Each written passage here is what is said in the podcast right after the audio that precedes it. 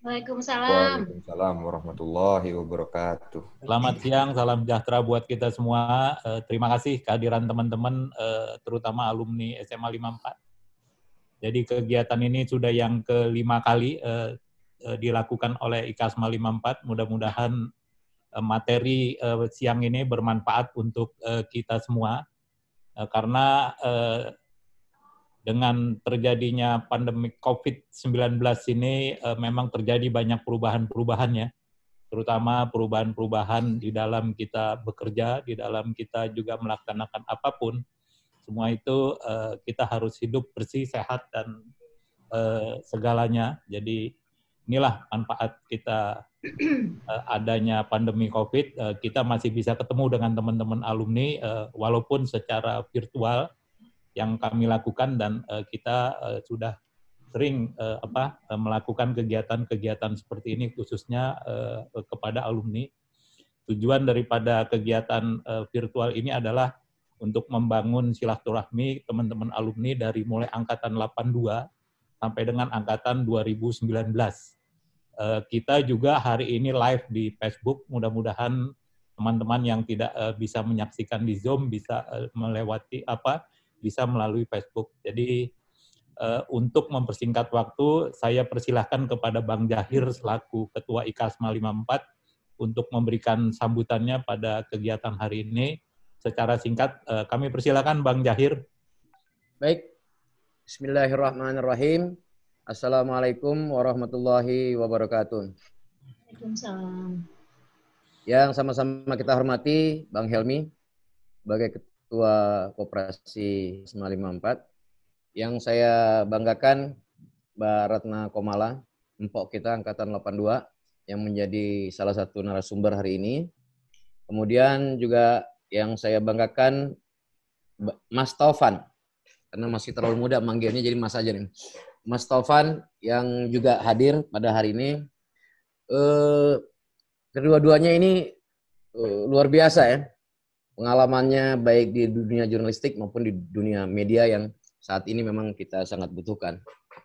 Eh, kawan-kawan sekalian, baik yang di Zoom maupun yang di Facebook, bahwa media di akhir abad 2020 ini memang perlu mendapat atensi yang luar biasa. Sehingga Alhamdulillah IKASMA bekerja sama dengan kooperasi yang difasilitasi Bang Helmi bisa menghadirkan dua narasumber yang tentunya diharapkan dapat memberikan pencerahan kepada kita semua tentang kayak apa sih kondisi media, jurnal, jurnalistik dan sebagainya. Nah, mudah-mudahan ini akan memberikan tambahan ilmu buat kita.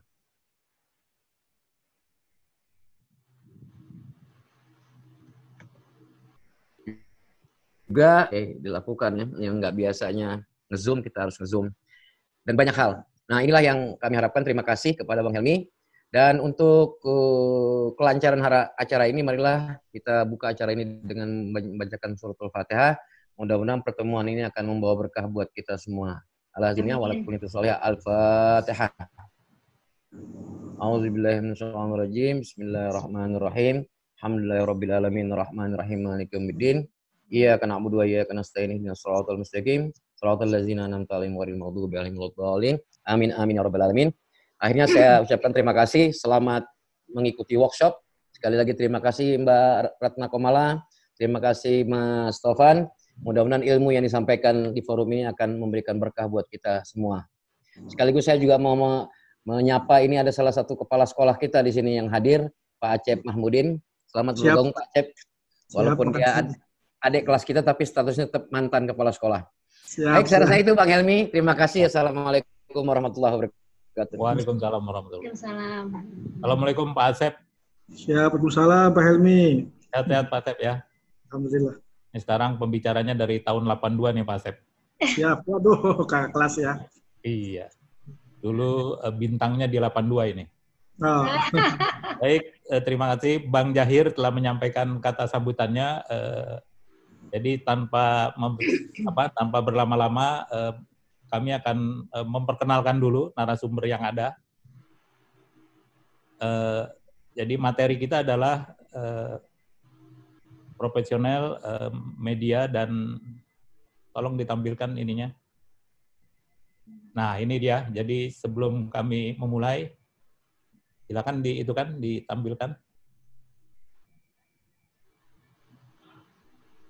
Ya, eh, nama lengkapnya Ratna Komala, angkatan tahun 82. Jadi eh, saya akan menceritakan dulu pengalaman jurnalistiknya. Di sini eh, beliau berpengalaman menjadi reporter di Istana Kepresidenan dan liputan khusus. Yang kedua adalah eh, produser eksekutif, koordinator liputan untuk di daerah di RCTI dan juga wakil pemimpin redaksi MNC News Channel dan juga eh, ahli pers bersertifikat Dewan Pers, anggota Dewan Pers juga 2016, 2019, dan pemimpin redaksi jurnal Dewan Pers 2016, 2019, dan eh, dosen program studi di TV Broadcasting di Universitas Mercubuana dan pengajar public speaking di Robert eh, di John Robert Power di Internasional Jakarta. Jadi saat ini beliau eh, masih mengambil pendidikan S2 di uh, Manajemen Komunikasi di Universitas Indonesia dan uh, beliau lulus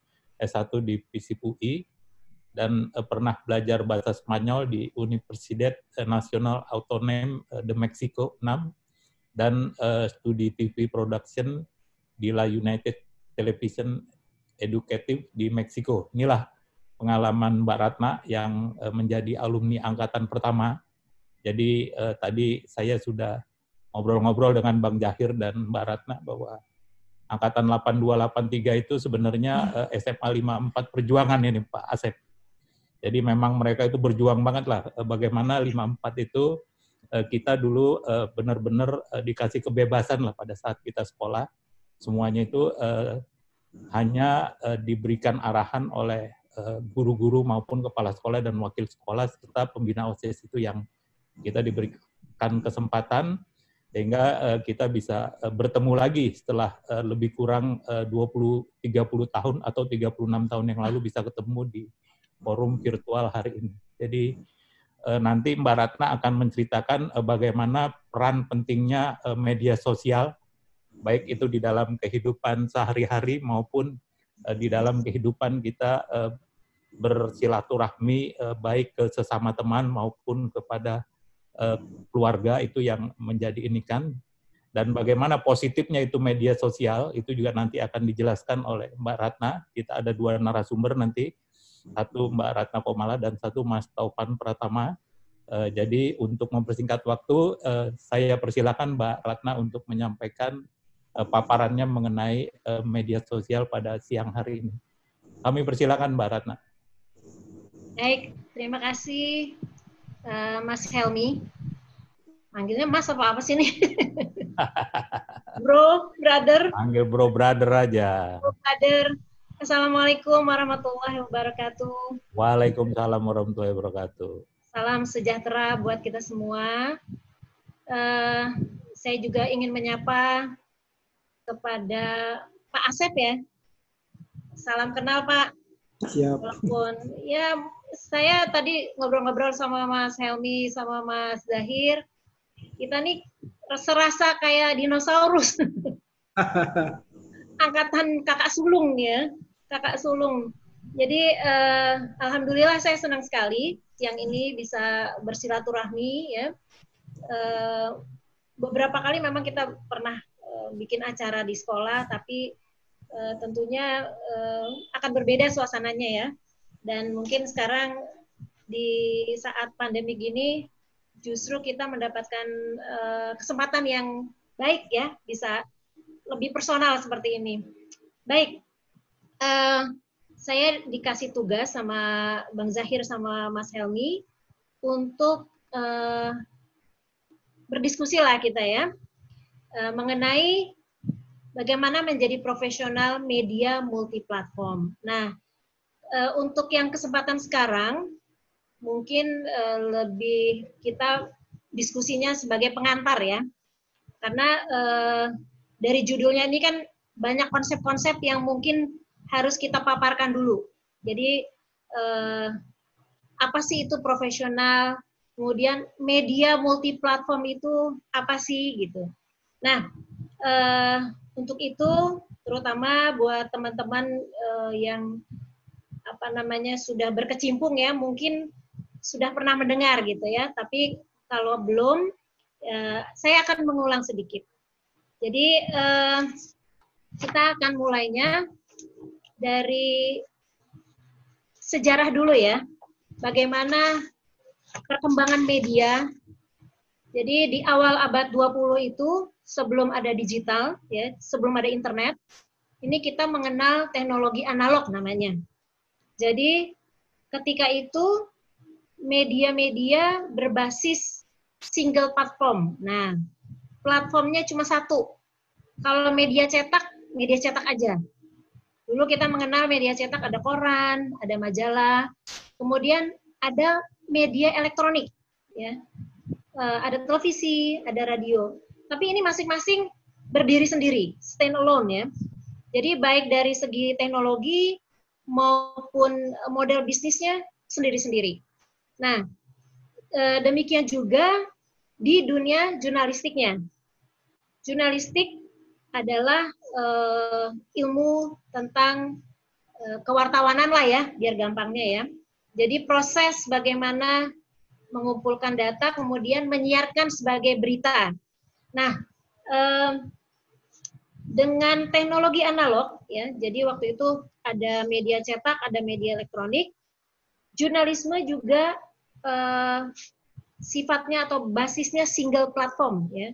Kita dulu mengenalnya sebagai media massa. Jadi media massa itu adalah sarana atau saluran resmi alat komunikasi untuk menyebarkan pesan kepada masyarakat dalam bentuk berita. Jadi eh, kenapa saya bilang berita? Karena ada standar-standar ya.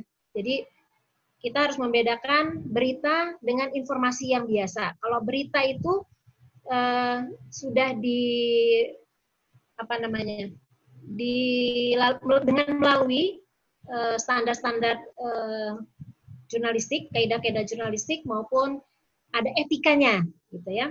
Nah, cirinya ketika itu uh, media yang berbasis single platform ini cirinya adalah uh, komunikasi dengan publiknya itu bersifat satu arah. Kemudian uh, kalaupun ada interaksi ya, jadi misalnya kalau di koran interaksinya dengan pembaca mungkin ada surat pembaca gitu itu tidak bisa langsung. Tapi bisa berinteraksi, cuma interaksinya waktunya tertunda. Misalnya setelah baca, si pembaca ini menulis surat, baru besoknya dimuat gitu ya. Jadi interaksinya ada kepada dengan publik atau dengan masyarakat, tapi tidak bisa mendapatkan feedback langsung. Lalu eh, kalaupun ada, biasanya tertunda ya. Jadi itu ciri-ciri uh, teknologi analog sebelum ada digital. Halaman selanjutnya. Nah, ketika itu kita mengenal ada media massa yang tadi ya, jurnalisme yang berbasis single platform. Jadi kita mengenal koran, majalah, televisi, radio. Jadi media ini hanya membuat, jadi media massa itu hanya membuat uh, dan menyebarkan konten jurnalistik yang kita kenal sebagai berita. Jadi eh, tadi saya udah bilang, kenapa cuma berita? Eh, kenapa disebut berita bukan informasi? Karena berita itu ada standar atau kaidah jurnalistik. Misalnya yang pertama, eh, hanya mengangkat untuk kepentingan publik, ya. Kemudian eh, bersifat eh, aktual. Kemudian eh, lebih fakta bukan opini. Terus harus mendapatkan sumber-sumber yang eh, terpercaya ya. Jadi disebutkan sumber-sumbernya sebagai atribusi. Kemudian eh, itulah ciri-ciri berita. Ada konfirmasi, ada verifikasi dan sebagainya. Jadi tidak asal membuat informasi tanpa verifikasi. Nah, profesi pembuat konten berita kita sebut wartawan atau jurnalis. Tadi ya. Jadi wartawan dan jurnalis ini terikat kaidah jurnalistik dan ada kode etiknya. Nanti teman-teman kalau mau tahu kode etik jurnalistik itu apa sih, browsing aja. Jadi kalau googling itu ketik kode etik jurnalistik. Ada 11 pasal ya. Jadi misalnya yang pertama eh, kode etik itu terkait dengan independensi media. Media harus independen, nggak boleh eh, diatur atau diintervensi oleh pihak mana pun. Kemudian uh, ada larangan misalnya uh, membuat konten yang uh, cabul, porno, kekerasan, gitu ya.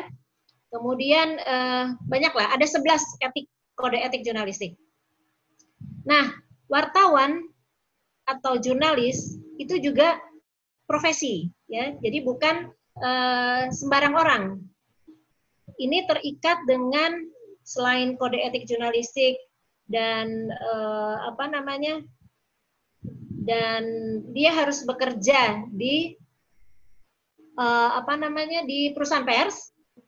Dia juga memiliki kemampuan kompetensi sebagai wartawan. Jadi artinya bagaimana dia uh, menguasai ilmu jurnalistik bagaimana menulis bagaimana uh, menyajikan gambar-gambar yang uh, baik yang representatif, yang memang bisa uh, dipertanggungjawabkan gitu ya. Jadi ada kompetensi, makanya dibilangnya profesi, terikat dengan standar-standar profesi ya.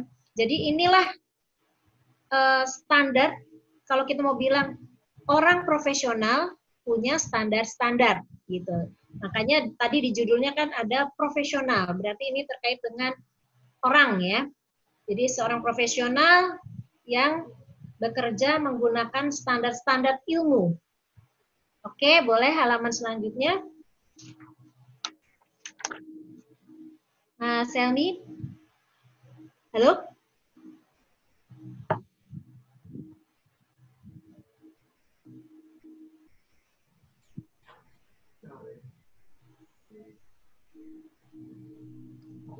Slide-nya, slide-nya. Oke. Nah, slide selanjutnya kita masuk ke teknologi digital. Teknologi lewatin lagi, Rik. Yang selanjutnya, iya. Oke.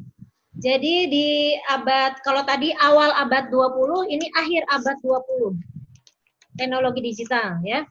Nah, inilah yang kita sebut dengan teknologi yang berbasis internet. Ini kita bisa lihat bedanya ya. Kalau dulu analog itu kan tadi tidak bisa berinteraksi langsung. Kalau sekarang dengan basis internet ya. Ini kayaknya sebelum ini ada slide lagi deh. Nah, ini dia. Jadi teknologi digital berbasis internet ya. Kalau dulu cuma ada media massa, ketika teknologinya analog namanya. Begitu ada internet, kita mengenal ada media sosial. Kita mengenal ada Facebook, Twitter, Instagram, Telegram, WhatsApp, dan seterusnya. Siapa pun warganet atau netizen bisa membuat konten, bisa mempublish atau mendistribusikan konten, dan juga bisa mengakses mengkonsumsi media. Nah, selain uh, ada media sosial, ini apa nih? Selain media sosial, ada media arus utama adanya. Suara saya nggak terdengar ya? Agak putus-putus, Mbak Ratna. Oh. Ah, udah, udah bagus tuh. Udah, udah. Udah, udah, udah. Oke. Jadi eh, selain media sosial yang tadi kita kenal itu ya, eh, ini media sosial udah berbasis internet, eh, dia bisa siapa pun bisa bikin konten. Setiap warganet atau netizen bebas mempublish, membuat, ya. Jadi di sini sangat demokratis. Lalu ada media arus utama yang mainstream ini yang uh, menjadi multi platform setelah adanya uh, teknologi internet nih yang tadinya sendiri-sendiri, ini hilang lagi ya suaranya? Bagus, suaranya bagus. Oke, oke. Oke, jadi yang tadinya tadi sendiri-sendiri, stand alone ya. Jadi dulu TV se- sendiri, radio sendiri. Tapi begitu ada teknologi digital, itu bisa berkonvergensi. Jadi bisa bersatu, berintegrasi ya, menyajikan maupun membuat. Jadi dari mulai membuat, memproduksi sampai menyebarkan itu bisa berintegrasi, berkonvergensi namanya. Jadi misalnya eh, ada seorang reporter televisi, dia melakukan live reporting, itu bisa juga live seperti kita sekarang nih melakukan streaming kan, Eh, lagi lagi diskusi ini melakukan streaming, kita bisa dilihat di Facebook. Nah, televisi juga seperti itu. Ketika ada eh, apa namanya, udah ada teknologi digital, seorang reporter TV mau melaporkan, dia bisa tampil di TV pada saat yang sama, dia juga bisa eh, tampil di TV internet misalnya, atau di portal, eh, apa namanya media online. Bisa juga di radio pada saat yang sama. Jadi eh, dengan teknologi yang eh, bisa berkonvergensi, maka media trennya menjadi multi platform. Nah, itu yang dibilang tadi. Medianya jadi multi platform. Jadi bisa pada saat yang sama itu menyajikan konten yang sama secara serentak. Nah, di dunia jurnalisme juga otomatis jurnalismenya jadi multi platform, gitu kan tadi media urus utamanya bisa berkonvergensi secara teknologi maupun eh, bisnis ya. Jadi model bisnisnya sebenarnya juga berkonvergensi. Kalau dulu eh, cetak hanya majalah misalnya atau koran, sekarang ada e-paper yang bisa diakses atau dikonsumsi melalui internet. Nah, gitu ya. Jadi jurnalisme yang multiplatform adalah eh, media yang memiliki redaksi atau newsroom yang berbasis digital dan berkonver- berkonvergensi ya. Jadi menjadi multiplatform eh, dan kita bisa lihat tadi secara serentak secara eh, bersamaan bisa live di radio, di portal berita, sekaligus di TV, juga di eh, di channel eh, YouTube ataupun Facebook misalnya seperti sekarang. Oke, next. Halaman berikutnya. Nah, karakteristik media berbasis internet. Kalau tadi media massa cuma satu arah, ya, interaksinya dari media ke publik satu arah. Kalau yang teknologi digital yang berbasis internet bisa bersifat interaktif, ya, langsung. Kemudian eh, ini belum deh kayaknya, masih sebelum ini, boleh tampilkan sebelum ini slide yang sebelum ini. ya, Nah, ini. Jadi bersifat interaktif ya secara langsung atau real time, jadi dapat feedbacknya langsung. Terus partisipasinya bukan hanya individu, bisa eh, komunitas ya. Kemudian juga ini salah lagi ya?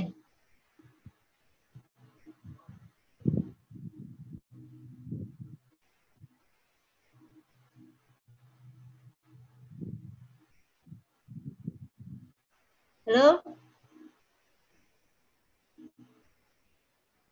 Ri, Bisa? ya Bagus? bisa. Tetap? Oke. Bagus, bagus, bagus. Oke ya. Ya, slide berikutnya. Oke, jadi a- eh, konten bisa diakses dengan perangkat digital. Jadi yang disebut eh, digital devices itu misalnya smartphone, kemudian tablet, bukan hanya TV ya, tapi pesawat televisi, tapi juga ada perangkat-perangkat digital yang lain. Oke, jadi media multiplatform itu adalah konvergensi media. Jadi konvergensi itu apa ya? Eh, kawin gitu loh. Jadi ber, berintegrasi antara eh, teknologi yang satu dengan teknologi yang lain dan berkaitan ya. Keterkaitan antara teknologi eh, digital secara terpadu baik itu teks ya. Kalau dulu koran koran teks ya. Nggak bisa nyampur dengan video sekarang bisa. Ada teks bisa bercampur dengan video bisa sekaligus ada audio visualnya dan bisa eh, terkoneksi juga dengan web link. Jadi begitulah gambaran media multi platform. Jadi si wartawan atau jurnalis dari media multi platform itu juga memproduksi jadi membuat beritanya ya, mendistribusikannya juga berubah.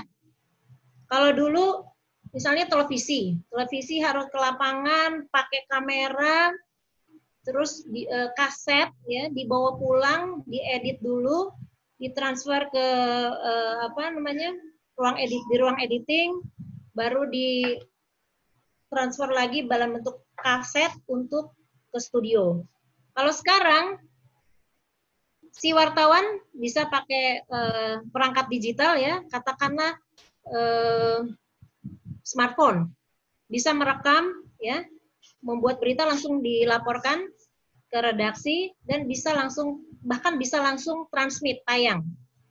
Nah, demikian juga uh, untuk platform-platform misalnya online atau radio itu juga bisa langsung tayang ya. Jadi uh, sangat berbeda, sangat berubah Nah, oleh karena perubahan ini, tentu saja kita sebagai uh, atau namanya uh, apa namanya pelaku pelakunya, ya tentunya harus beradaptasi. Jadi, ketika jurnalis memproduksi, mendistribusikan dan menyiarkan konten berita, itu menggunakan perangkat digital, baik itu kamera, PC, laptop, tablet, smartphone, dan sebagainya. Demikian pula cara publik mengakses berita. Kalau dulu berita TV cuma di apa namanya? Kita nonton TV harus nongkrong depan TV. Sekarang ada second screen atau third screen. Kita bisa lihatnya lewat smartphone, kita bisa lewat nonton di uh, tablet atau di PC dan sebagainya. Jadi media mainstream ya atau media arus utama tetap menjadi outlet untuk menyiarkan produk jurnalistik atau menyiarkan berita, tetapi dengan sistem yang konvergensi, ya. Jadi bisa eh, eh, apa namanya bersinergi lah gitu ya. Oke, okay, next. Boleh? Nah, apa perbedaannya media pers dengan media sosial? Tadi Mas Helmi di pengantar sudah bilang ya, apa sih yang bisa dilakukan dengan media sosial dan bedanya apa dengan pers? Nah, ini sangat penting nih.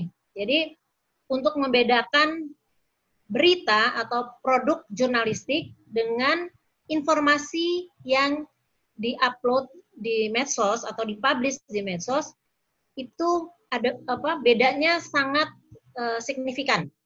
Jadi yang pertama, output dari media pers ya. Jadi dari redaksi pemberitaan dari perusahaan pers itu produk pers produknya namanya berita. Sementara di medsos konten informasi. Kenapa ini eh, dinamakan konten informasi? Karena beda. Diproduksinya yang satu oleh wartawan yang punya standar-standar tadi ya, standar bagaimana membuat berita ada 5W1H. 5W1H itu lengkap uh, what, when, where, uh, why, who dan seterusnya ya. Jadi how. Nah, sementara netizen itu uh, atau siapa pun di internet bisa membuat konten tapi di, bukan berbasis jurnalisme.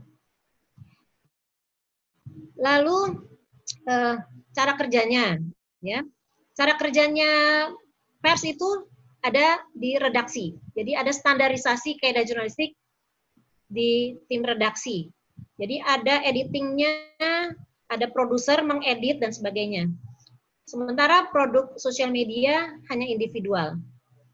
Dan produk-produk eh, yang dihasilkan di ruang redaksi atau berita itu ada penanggung jawabnya. Penanggung jawabnya berjenjang. Penanggung jawabnya namanya yang paling tinggi adalah pemimpin redaksi. Sementara kalau produk sosial media tidak ada yang bertanggung jawab. Kemudian eh, batasannya eh, kalau eh, produk pers ada kode etik jurnalistik, ada P3 SPS, pedoman perilaku penyiaran dan standar program siar itu untuk televisi dan untuk uh, radio. Nanti kalau mau tahu lebih lam, lebih banyak tentang P3 SPS bisa googling ya, bisa dilihat. Nah sementara untuk uh, sosial media itu tidak ada rambu-rambu. Sebetulnya ada, sebetulnya uh, berlaku etika umum ya, tapi uh, kalau di pers jelas Pengelola pers berbadan hukum. Kalau di e, sosial media bebas, ya.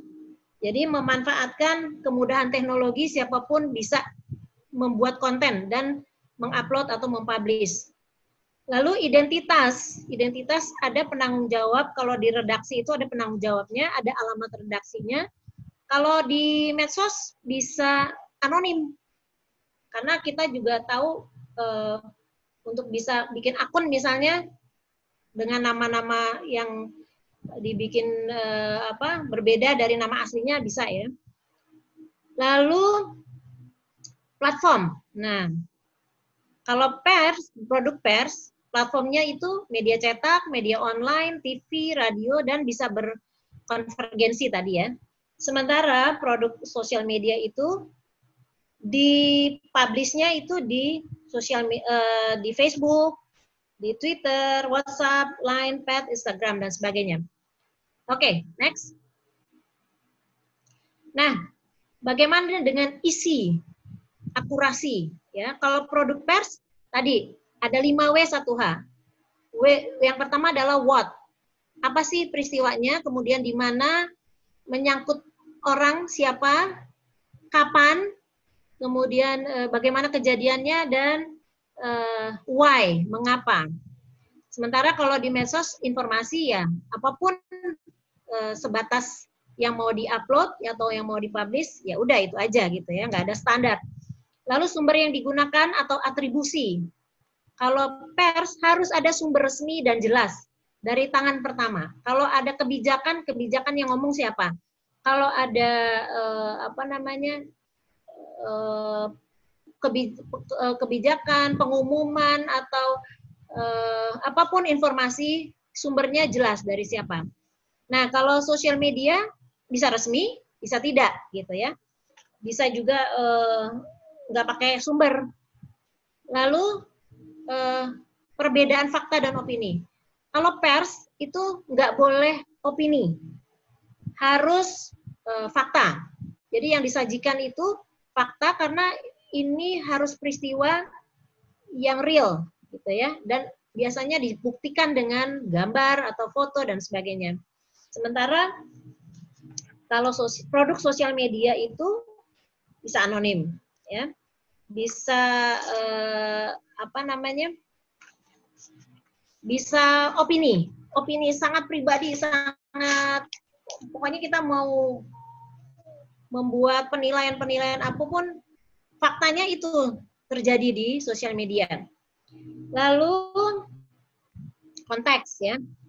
Jadi konteks peristiwa kalau pers itu harus sesuai dengan fakta dan netral. Kita nggak boleh pro ke A atau pro ke B, apalagi kalau ada konflik, wartawan itu harus nggak boleh berpihak kepada siapa pun. Nah, kalau di produk uh, sosial media uh, konteksnya tidak jelas, bisa berpihak, dia bisa menjadi corongnya si A dan sebagainya. Lalu bahasa. Ciri dari bahasa pers atau wartawan atau media pers itu baku dan beretika. Jadi kalau bahasa-bahasa yang muncul adalah bahasa yang provokatif, menghakimi, atau e, memecah belah, itu bukan standar pers. Nah, sementara kalau di sosial media, karena nggak ada yang mengedit, nggak ada e, peraturan yang baku, maka bahasa yang digunakan juga bahasa yang tidak baku. Kadang-kadang e, casual ya, tidak formal. Tapi kadang-kadang melanggar etika.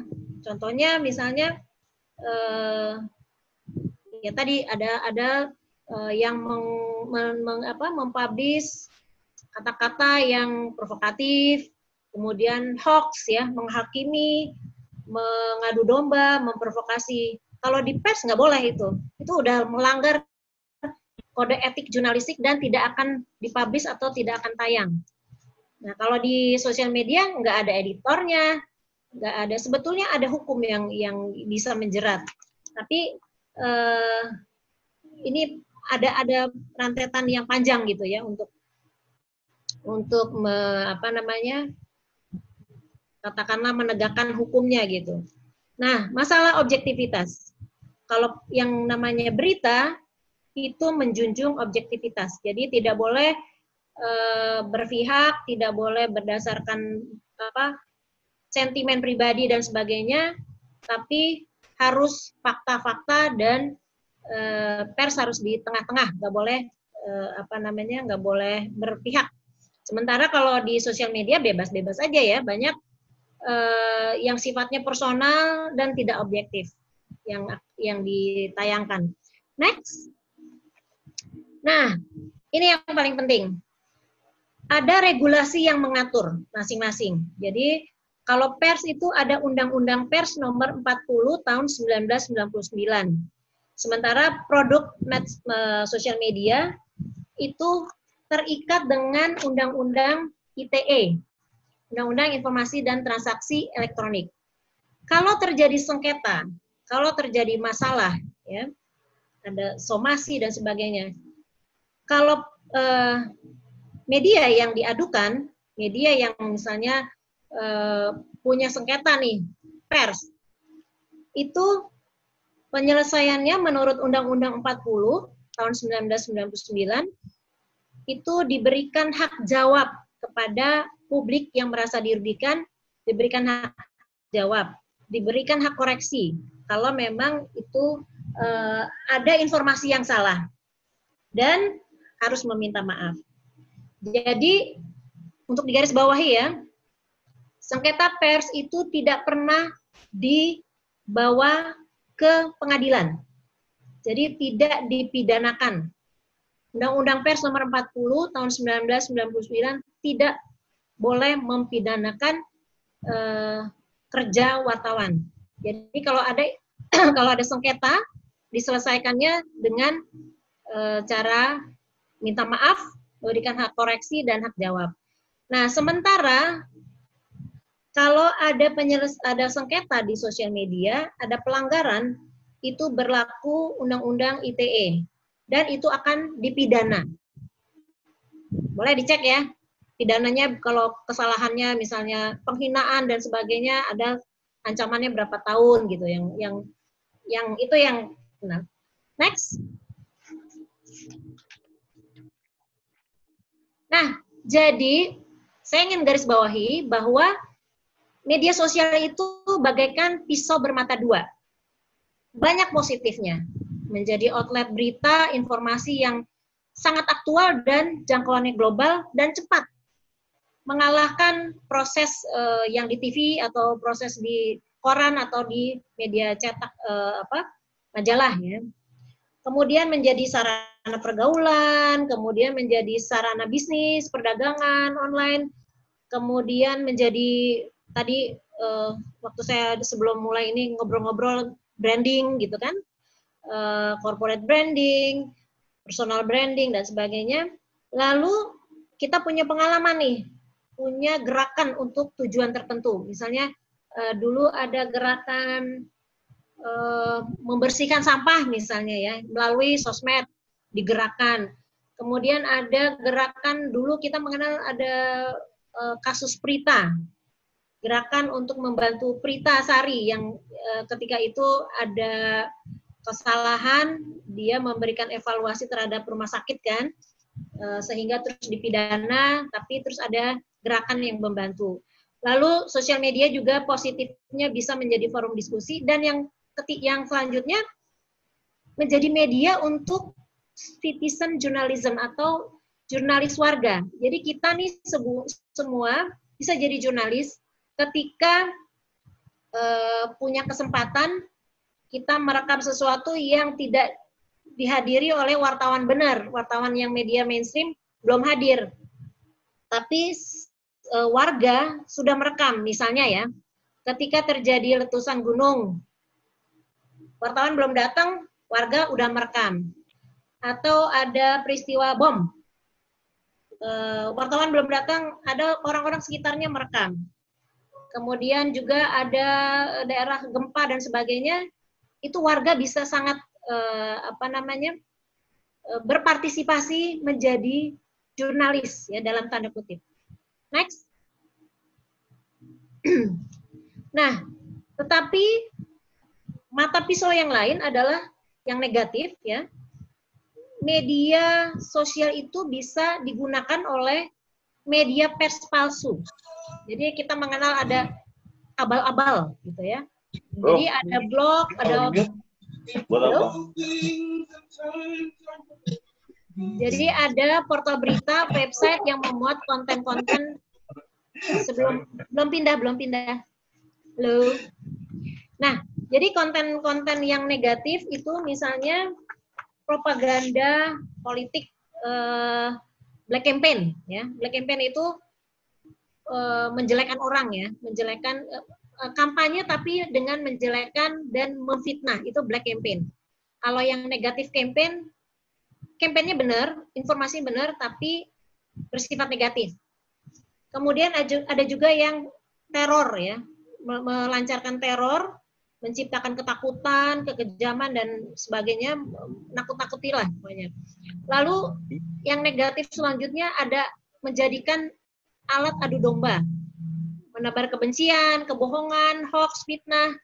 Jadi eh, untuk informasi ya, dua hari lalu eh, perusahaan-perusahaan besar seperti eh, Unilever dan eh, apa namanya Starbucks kalau nggak salah dan juga Coca-Cola itu mencabut iklan ya mengancam tidak akan beriklan lagi di Facebook karena uh, Facebook tidak punya standar-standar untuk menekan uh, hate speech.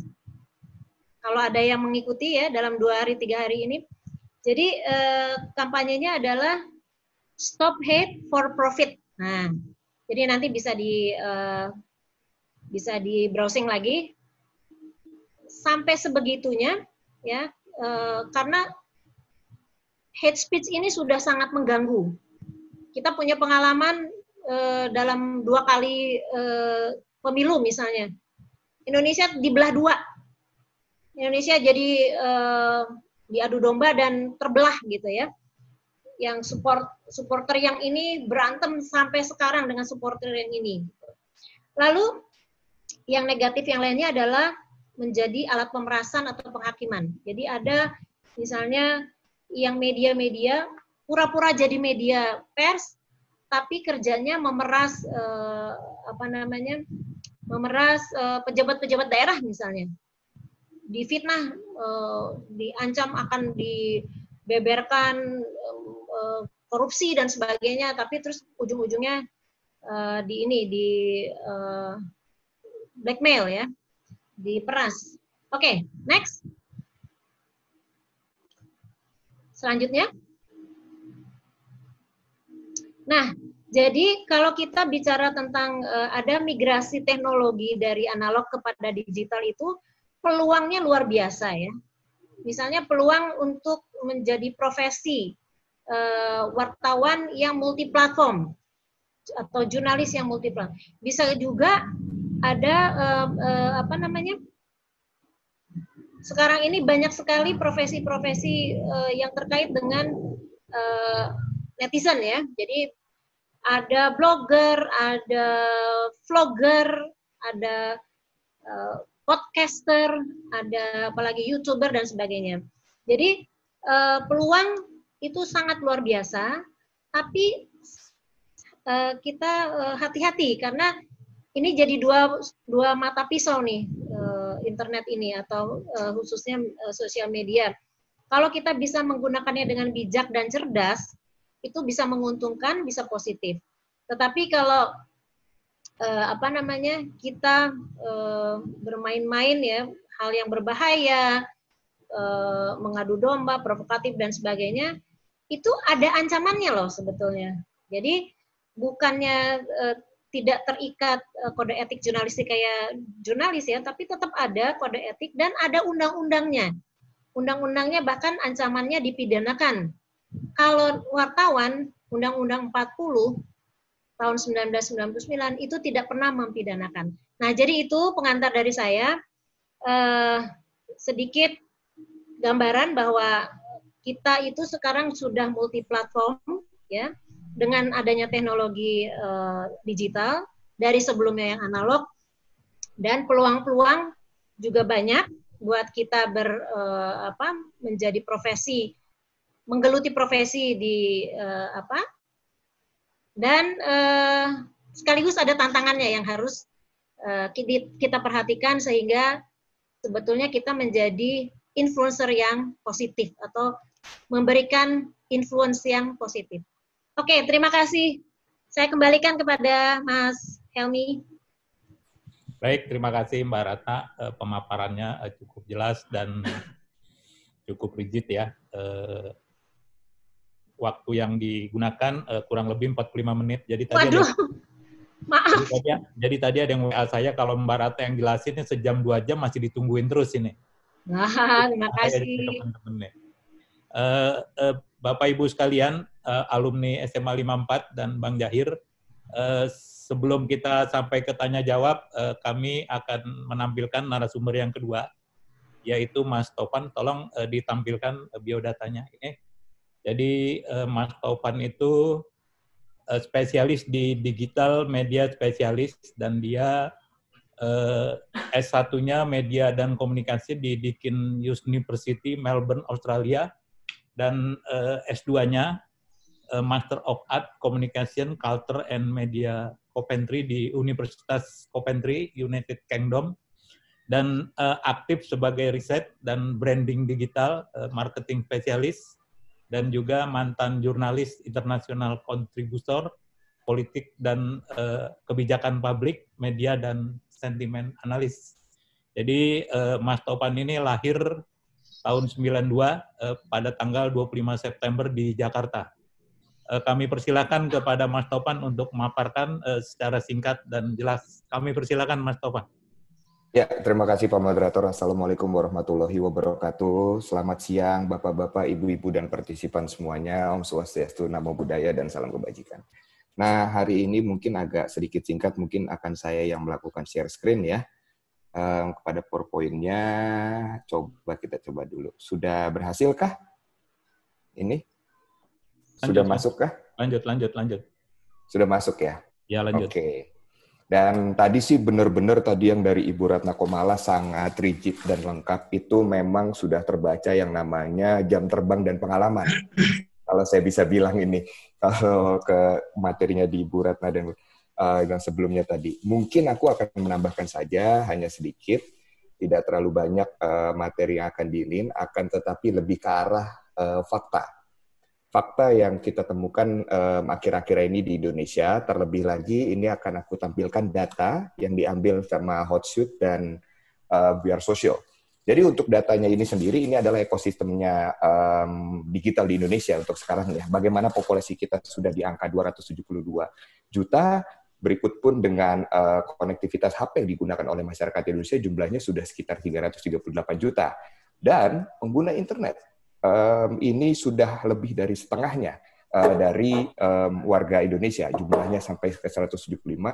Terlebih lagi pengguna aktif media sosial yang jumlahnya sudah sampai 160 juta. Nah, angka ini yang bisa saya katakan adalah potensi yang sangat besar bisa kita sangat gunakan adanya populasi kedua yang bisa saya bilang adalah populasi digital di uh, internet saat ini. Tidak tidak serta merta populasi fisik yang sudah memang ada, um, akan tetapi populasi digital ini juga sangat perlu kita pertimbangkan. Nah, uh, penggunaan Zoom meeting yang kita lakukan bisa dikatakan kita menjadi uh, pengguna media sosial yang sangat aktif. Ini salah satu contoh pastinya. Nah, berikutnya ini tentang ekosistem di digital di Indonesia saat ini. Sebenarnya ada tiga, tiga poin penting dari um, digital media ini sendiri. Pertama pasti ada mediumnya ataupun medianya kedua itu yang pasti ada bagaimana cara pemasarannya ataupun pemasarannya akan seperti apa. Yang ketiga terpenting ada audiensnya. Kembali lagi seperti yang saya bilang sebelumnya, digital active user itu bisa dikatakan adalah audiens yang tertarget karena mereka melakukan kegiatan mulai yang ada di sosial media. Contohnya bisa saya bilang uh, seperti halnya Facebook. Nah, Facebook ini sendiri kan ada namanya posting wall dan segala macam. Nah, mulai dari kegiatan dan apa pun yang kita lakukan bisa kita posting.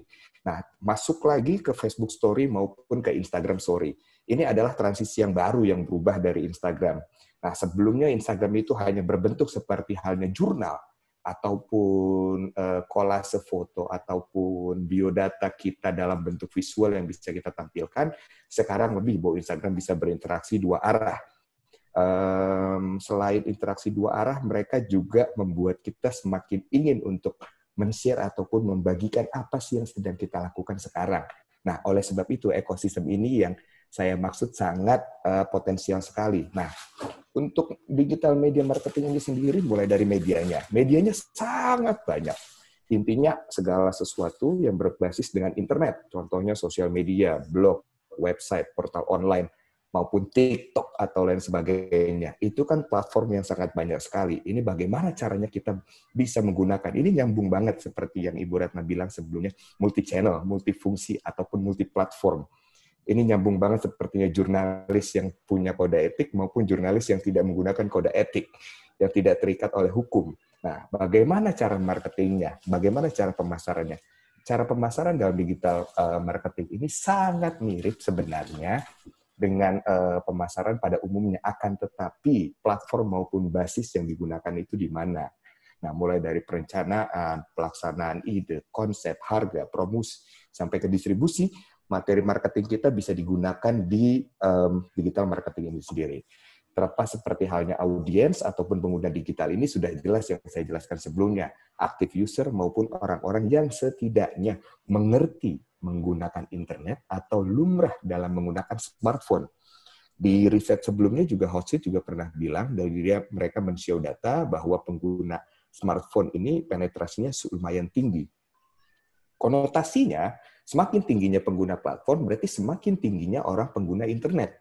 Berarti semakin banyak um, populasi um, masyarakat digital di Indonesia. Lanjut lagi ke slide berikutnya. Ini adalah dua perbedaan, bukan dua perbedaan. Ini ada dua penjelasan sebenarnya. Apa sih sebenarnya digital marketing itu? Dan apa sih strateginya dan tipenya itu apa aja? Nah, kalau untuk marketing, uh, tipenya marketing ini tadi sudah dijelaskan sebelumnya, seperti ada website, social media marketing, search engine marketing, online advertising, email marketing, maupun video marketing. Nah, ini sebenarnya nggak cukup banget untuk kita ngebahasnya ini 10 menit atau 15 menit. Karena kalau bisa saya bilang ini bisa jadi 3 SKS kuliah sebenarnya untuk ngebahas tentang digital marketing. Karena turunannya sangat banyak sekali. Belum lagi soal uh, strateginya, bagaimana kita mengoptimasi menggunakan dengan SEO. Ini yang biasa menggunakan SEO itu adalah para pegiat-pegiat online di basisnya website. Karena bagaimana caranya dia bisa meremajakan, membumikan ataupun me membuat mudah ditangkap oleh masyarakat. Makanya mereka menggunakan search engine optimization. Dan berikutnya itu ada namanya automated marketing dan native advertising. Nah, yang dimaksud autom otomasi marketing ini adalah bagaimana kita bisa melakukan pemasaran secara secara otomatis menggunakan perangkat lunak. Nah, perangkat lunak ini merupakan kan salah satu syarat yang sangat penting dalam digital marketing. Sudah jelas yang namanya software berhubungan dengan IT dan berhubungan dengan internet. Nah, banyak sekali sistem yang bisa kita gunakan untuk melakukan pemasaran secara otomatis menggunakan perangkat lunak tersebut. Contohnya, yang paling mudah banget bisa kita iniin uh, adalah kita bisa melakukan broadcast message dengan WhatsApp kita. Dahulu sebelum adanya pesan-pesan uh, banyak di, di HP kita harus tulis nomor HP-nya satu-satu. Kali ini dengan mudahnya di WhatsApp, one click kita taruh di grup ataupun di beberapa orang yang ada di WhatsApp kita, seluruh uh, informasinya sama dan tidak ada perbedaan. Ini yang kita bisa sebut otomasi marketingnya juga. Dan bagaimana kita bisa menggunakan perangkat lunak tanpa perlu kita um, pantau berhari-hari, hanya melihat monitoring dari evaluasinya itu sendiri. Masuk lagi ke pemasaran konten. Konten marketing ini sendiri ini sangat challenging bagaimana caranya kita bisa menggrab orang hanya dengan satu sampai ketiga detik awal. Ini kan teori mudah yang biasanya digunakan oleh para YouTube konten kreator. Bagaimana dia bisa menarik minat masyarakat bertahan dan menonton videonya lebih dari lima menit. Perjuangannya ada di tiga detik awal hingga ke lima detik, tergantung dari bobotnya akan seperti apa. Untuk strategi berikutnya, yang namanya pay per click, ini bagaimana kita bisa bidding online dan menaruh iklan kita. Seperti halnya ada pop-up iklan. Misalkan kita di Facebook, kita buka video, salah satu video tiba-tiba ada iklannya, itu pun bisa jadi pay per click juga. Nah, berikutnya affiliate marketing. Ini bahasa mudahnya affiliate marketing adalah strategi kolaborasi. Bagaimana caranya kita bisa Mas, berkolaborasi. suaranya pelan-pelan dikit. Baik pelan-pelan sedikit. Jadi yang ini di ada yang tanya, jadi lebih enak. Ini enak dengerinnya. Silakan. Siap. Um, affiliate marketing ini sebenarnya mudah sekali, seperti halnya kolaborasi. Jadi um, kolaborasi yang dimaksud kita bisa bekerja sama ataupun ya bekerja sama dengan platform lainnya atau website lainnya untuk mempopulerkan produk kita ataupun website kita sendiri. Nah, ini kan banyak banget. Kalau kita ambil contohnya ngevlog ataupun di YouTube. Ini para konten kreator ini mulai nih bertemu satu sama lain membuat satu konten kolaborasi. Nah, kata-kata kolaborasi dan uh, join bareng um, para konten kreator ini membuat mereka lebih mudah menyentuh pasar sebelah, pasar lainnya. Misalkan misalkan si pasarnya pulpen berkolaborasi dengan pasarnya korek belum tentu kalau misalkan pulpen ini jalan sendiri, dia bisa merambah pasarnya korek. Tapi ada sesuatu, segala, ada sesuatu yang membuat orang lain tertarik ketika mereka berkolaborasi. Membuat konten yang lebih menarik dan menarik pasar yang lebih luas. Inilah affiliate marketing yang dimaksud. Nah, kalau tipe-tipenya sudah mudah digital marketing, tadi sudah dijelaskan mulai dari sosial media, website, email marketing, online advertising, video marketing, sama search engine marketing. Nah, kalau bicara tipenya ini, email marketing itu sebenarnya sudah sangat lama, belum dikatakan usang ataupun sudah lapuk karena masih juga digunakan oleh produk-produk besar dunia. Kenapa? Bagaimana caranya mereka bisa mendengarkan dan menjemput bola menggunakan data email marketing tersebut. Nah, boleh kita lanjut lagi. Berikutnya, inilah ada tiga tantangan penting dalam dunia digital hari ini Pertama, creative thinker. Kedua, research driven. Ketiga, digital savvy. Oke, ini saya jelaskan. Kalau untuk creative thinker ini sendiri sudah jelas bagaimana hari ini seluruh produksi konten maupun materi konten dan cara membagikannya konten ini bergantung dengan waktu. Kalau di dunia film atau sinetron ada kata-kata namanya kejar tayang. Nah, berbeda dengan yang namanya di sosial media. Sebelumnya Ibu Ratna Komala sudah menjelaskan tentang um, bagaimana citizen jurnalis maupun sosial media yang bisa diupload secara cepat. Dan sebelumnya juga bilang adanya netizen. Nah, ini kan netizen berarti tidak adanya jarak waktu. Mereka bisa langsung melakukan live di HP-nya. Nah, ini adalah um, peran penting cepat cepat berpikir dan berpikir kreatif dalam industri digital marketing saat ini. Nah, berikutnya adalah research driven. Kenapa harus research driven? Dari di awal di awal saya memberikan materi ini ada data yang saya berikan walaupun cukup singkat. Karena kalau kita bicara data akan ngantuk sebentar. Isinya semuanya angka dan bagaimana kita menganalisa angka. Akan tetapi pentingnya data ataupun riset dalam sebuah marketing itu menjadi hal pokok maupun hal wajib dalam melakukan pemasaran bagaimana caranya kita bisa melihat perilaku masyarakat, mengetahui pasar, dan tahu apa yang masyarakat inginkan, dan tahu apa produk yang diinginkan kalau tidak dibarengi oleh data maupun riset. Oleh sebab itu, uh, muaranya ada digital savvy. Nah, digital savvy ini juga penting bagi kita-kita keseluruhan menggunakan dan mengoptimasi media sosial maupun digital. Kenapa? Ini adalah muara dari keseluruhannya. Konten kreatif sudah dibuat berdasarkan dengan data. Lalu caranya saatnya kita menyebarkan dengan secara digital. Oleh sebab itu, meleknya ataupun penetrasi terhadap digital sangat dibutuhkan. Nah, banyak sekali platform yang sudah sangat memudahkan kita. Contohnya Facebook ini sendiri sudah sangat jauh bertransformasi. Dan sekarang pengguna Facebook maupun uh, mulai dari umur 16 tahun sampai umur lanjut itu sudah menggunakan Facebook secara aktif dan mereka sudah mengetahui platform-platform um, yang di dalam Facebook um, ada apa saja. Mereka bisa kirim foto, bisa kirim video, bisa live video, bisa melakukan chat, bahkan bisa video call, dan bahkan bisa telepon. Jadi bukan alasan lagi bagi kita bagaimana caranya kita bisa mengoptimasi media sosial itu sendiri. Cuma harus satu, ingat harus berdasarkan data dan bagaimana mengemasnya dengan secara kreatif. Nah, ini adalah bagian dari tiga tantangan di industri digital marketing saat ini. Berikutnya, apa sih keuntungan dari digital marketing itu? Ada empat uh, sebenarnya banyak sekali keuntungan yang ingin saya tuliskan di materi ini. Akan tetapi saya memilih ada empat keuntungan. Mulai dari rapid share, easy evaluate, broad coverage, sama effective and efficient. Nah, rapid share sudah saya jelaskan sebelumnya. Penyebaran yang sangat cepat dan tepat sasaran. Tepat sasaran bagaimana? Ini akan dibahas nanti yang namanya Facebook advertising, Instagram advertising, maupun uh, any social media advertising. Nah, untuk um, audiensnya akan seperti apa? Berikutnya ada easy evaluate. Easy evaluate yang dimudahkan adalah kita bisa apabila kita menggunakan sosial media dan kita menggunakannya untuk bisnis ataupun grup atau lain sebagainya, ada hal yang sangat bisa kita lakukan. Keuntungannya itu perangkat lunak yang sudah disediakan oleh media sosial tersebut.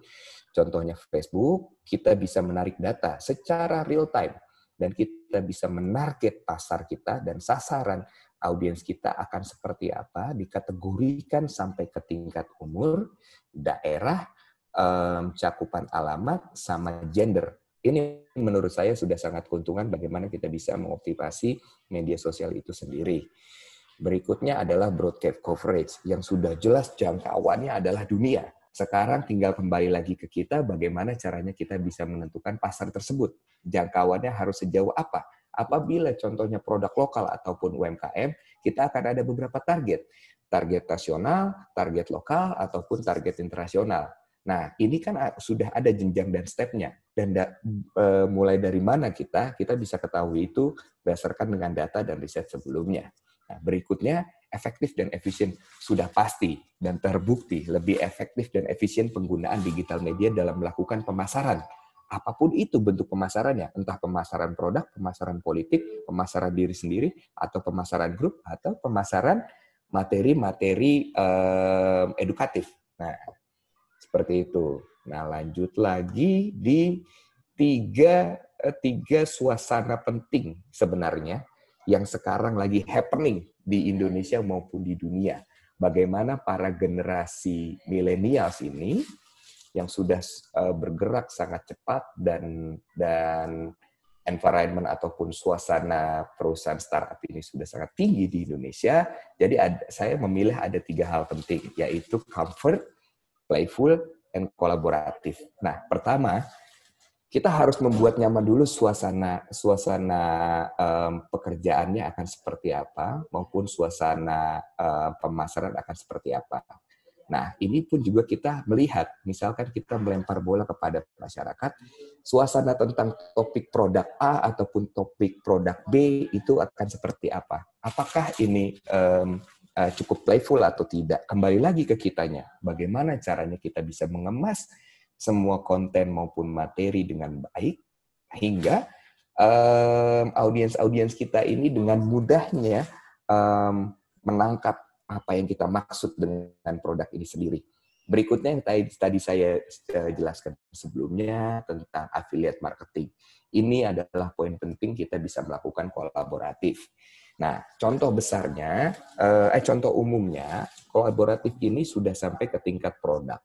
Tidak hanya tidak hanya pembicara. Contoh yang kita lakukan adalah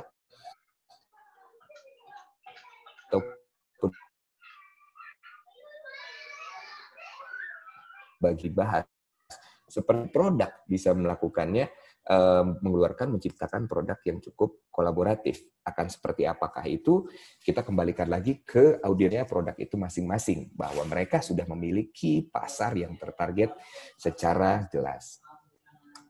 Nah, berikutnya ada prinsip-prinsip penting tentang digital marketing. Yang pertama itu adalah share. Bagaimana kita bisa cepat membagikan konten-konten uh, apa pun itu, entah produk diri sendiri dan lain sebagainya secara cepat. Dan kita mudah sekali mengintegrasikan konten itu ke multi channel ataupun multi platform. Sekarang kan sudah ada widgetnya. Ketika kita mau upload sesuatu, upload juga nggak nih di Facebook, upload juga nggak nih di Instagram, upload juga nggak nih di Twitter. Semuanya udah well integrated dan it's quite easy to use karena ini sangat user friendly banget. Nah, Kedua, itu go real time. Nah, go real time ini sebenarnya sama seperti apa yang di-share.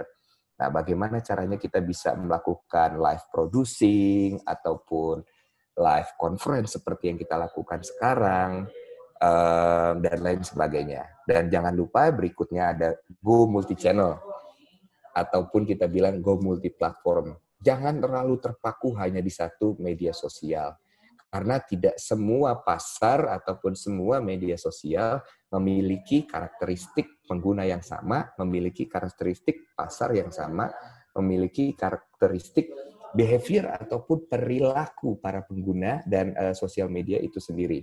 Berikutnya go visual. Ini jangan pernah ketinggalan sebenarnya.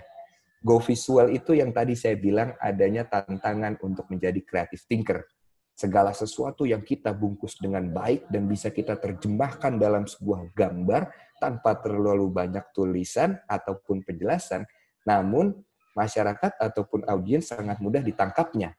Ini tantangan-tantangan yang bisa kita bilang kalau di dunia advertising itu tantangan untuk para copywriter maupun art director bagaimana mereka bisa menghook ataupun membuat masyarakat membeli sesuatu produk hanya membaca 2-3 bait di awal. Nah, berikutnya jangan lupa educate, don't sell. Yang dimaksud educate, don't sell adalah berikanlah edukasi masyarakat kepada konsumenmu, kepada penontonmu, kepada saudara ataupun teman-teman pengguna media sosial. Jangan melakukan hard selling. Hard selling perlu, ada beberapa tempat bisa kita melakukan hard selling. Akan tetapi ada beberapa tempat kita melakukannya soft selling. Yang lebih broad dan bisa dilakukan di banyak hal adalah mengedukasi. Mengedukasi kan sama aja kita bisa menjual kenapa sih harus beli produk kamu? Kenapa sih kamu harus beli produk saya? Kenapa sih harus gunakan produk kamu? Kenapa sih saya harus mengundang kamu? Itu kan kita memberikan edukasi kepada masyarakat. Hal-hal um, baiknya, bagaimana teknik-teknik memasarkannya, itu adalah bagian di kita dari mengedukasi. Nah, berikutnya adalah entertain, don't market. Nah, kita memberikan entertain ataupun kenikmatan dalam melihat saya bisa ngasih contoh, um, ini tidak saya masukkan contohnya iklan-iklan Coca-Cola ataupun iklan-iklannya Apple. Bagaimana Coca-Cola membuat iklan dan memasarkan sesuatu itu membuat orang tergugah untuk menonton ataupun melihatnya. Mereka tidak melakukan pemasaran secara langsung, melainkan ada produk yang ditaruh di dalam video tersebut. Nah, yang terakhir, ini yang sangat harus kita lakukan karena digital marketing ataupun media sosial mempunyai behavior ataupun karakteristik pengguna yang berbeda. Salah satunya adalah bisa menanya dan dijawab, punya hak bertanya dan punya hak menjawab. Nah, jangan lupa sebagai kita para marketer ataupun ingin menggunakan digital marketing adalah mendengarkan. Mendengarkan yang dimaksud adalah uh, mulai dari uh, hal positif maupun ke hal negatif atau apa pun yang sedang kita pasarkan saat ini. Nah, mendengar itu uh, dalam sebuah brand merupakan hal yang sangat mandatori. Bagaimana para uh, orang brand dalam sebuah produk ini benar-benar mendengarkan keluhan ataupun aspirasi dari merek dia ataupun produk yang dia luncurkan seperti itu. Nah, ini ada ada marketing flow sebenarnya, ada sedikit memudahkan, tapi kalau untuk mendetailnya nanti kita bisa mungkin ada diskusi-diskusi berikutnya atau bisa mengundang saya secara pribadi untuk uh, menjelaskan secara pribadi juga kepada partisipan hari ini. Pun saya akan membagikan uh, materi ini juga. Nah, untuk digital marketing flow ini adalah runtutan pekerjaan singkat sebenarnya yang bisa kita lakukan dan uh, berulang kali sangat bisa kita lakukan. Mulai dari identity profiling and planning, yang dimaksud adalah kita bisa memilah DNA-DNA-nya kita. Siapa yang ingin kita pasarkan dan apa yang ingin kita pasarkan, kita bisa belah itu semua DNA-nya, profiling akan seperti apa, akan uh, menujunya akan uh, menjadi seseorang yang seperti apa. Contohnya personal branding dalam political branding yang dilakukan. Bagaimana caranya um, kesederhanaan ini bisa melekat uh, sama Jokowi dan bagaimana ketegasan ini bisa sangat melekat sama uh, Pak Prabowo Subianto. Saya mencontohkan hanya pilpres yang kemarin saja. Itu adalah bagian dari identity profiling and planning. Itu ada tim-tim dan orang-orang yang menentukan DNA-nya akan seperti apa berdasarkan hasil riset dan sangat mudah diterima oleh masyarakatnya. Nah, karena setelah kita melakukan DNA uh, uh, profiling atau identity profiling and planning, kita masuk ke market research. Mulai itu kita melakukan um, riset pasar. Riset pasar kan banyak sekali yang bisa dilakukan. Mix metodologi yang sangat bisa kita lakukan. Mulai dari contohnya riset pasar. Kalau misalkan produknya produk GoFood ataupun produk Gojek ataupun UMKM snack yang lainnya. Riset pasar kan kita bisa membagikan kepada sanak saudara, teman, maupun tetangga. Kita bagikan kita minta feedbacknya dari mereka. Feedbacknya tapi kita tentukan. Ada kolom feedback yang bisa kita berikan. Ataupun mereka bisa melakukan feedbacknya di channel-channel media yang kita tempelkan di produk kita itu sendiri. Itu kita bisa melakukan market research-nya. Berikutnya adalah identitas dari produk itu sendiri. Apa identitasnya? Kuatnya ada di mana? Advantages-nya, kekuatannya ada di mana? Apakah misalnya produknya F&B ataupun makanan. Uh, jenis, uh, saya ambil contoh kopi ya yang sedang sangat happening kopi susu. Sekarang kopi susu sudah sangat ratusan ataupun ribuan pembuat kopi, mulai dari yang punya tempatnya ataupun yang hanya di rumah saja.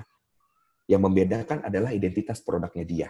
Apa yang ingin dia jual? Ambil contohnya kopi tuku. Kopi tuku, hanya kopi tuku saja dan dia tidak membuka cabang. Identitasnya adalah saya ini adalah pionir um, kopi susu dengan gula aren.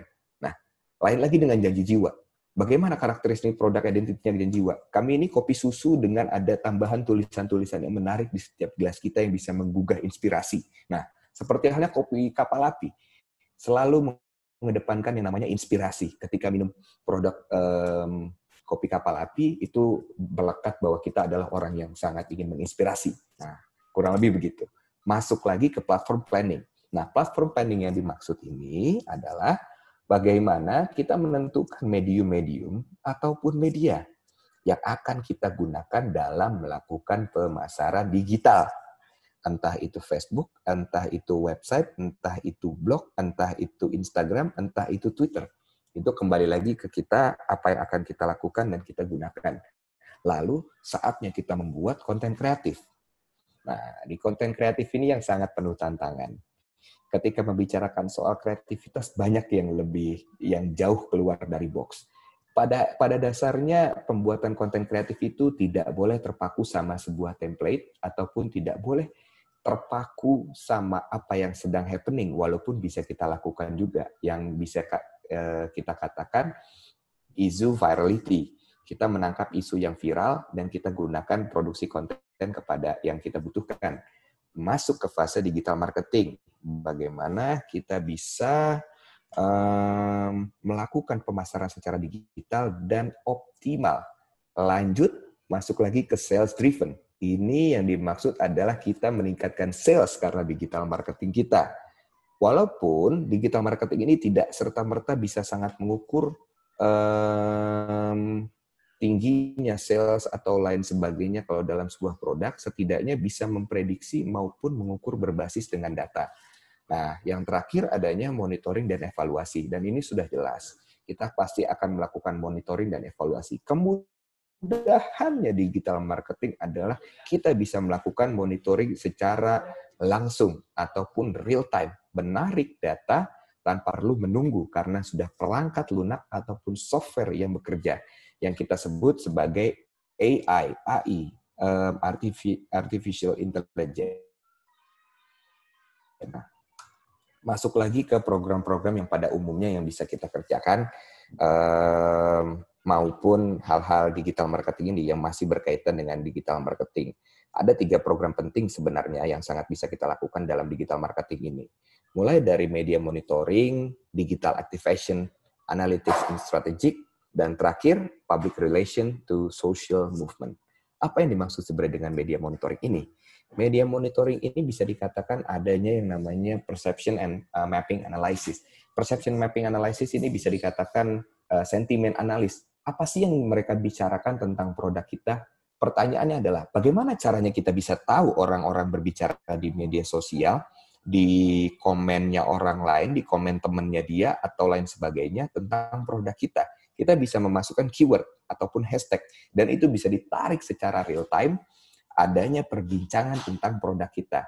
Di situ kita bisa memapping analisisnya. Nah, berikutnya ada black campaign tracking, influence and user um, and bot tracking, is virality, media mainstream monitoring, dan selanjutnya ada Big Data Analytics. Yang tadi saya jelaskan tentang data tersebut bisa kita rangkum di dalam Big Data Analytics.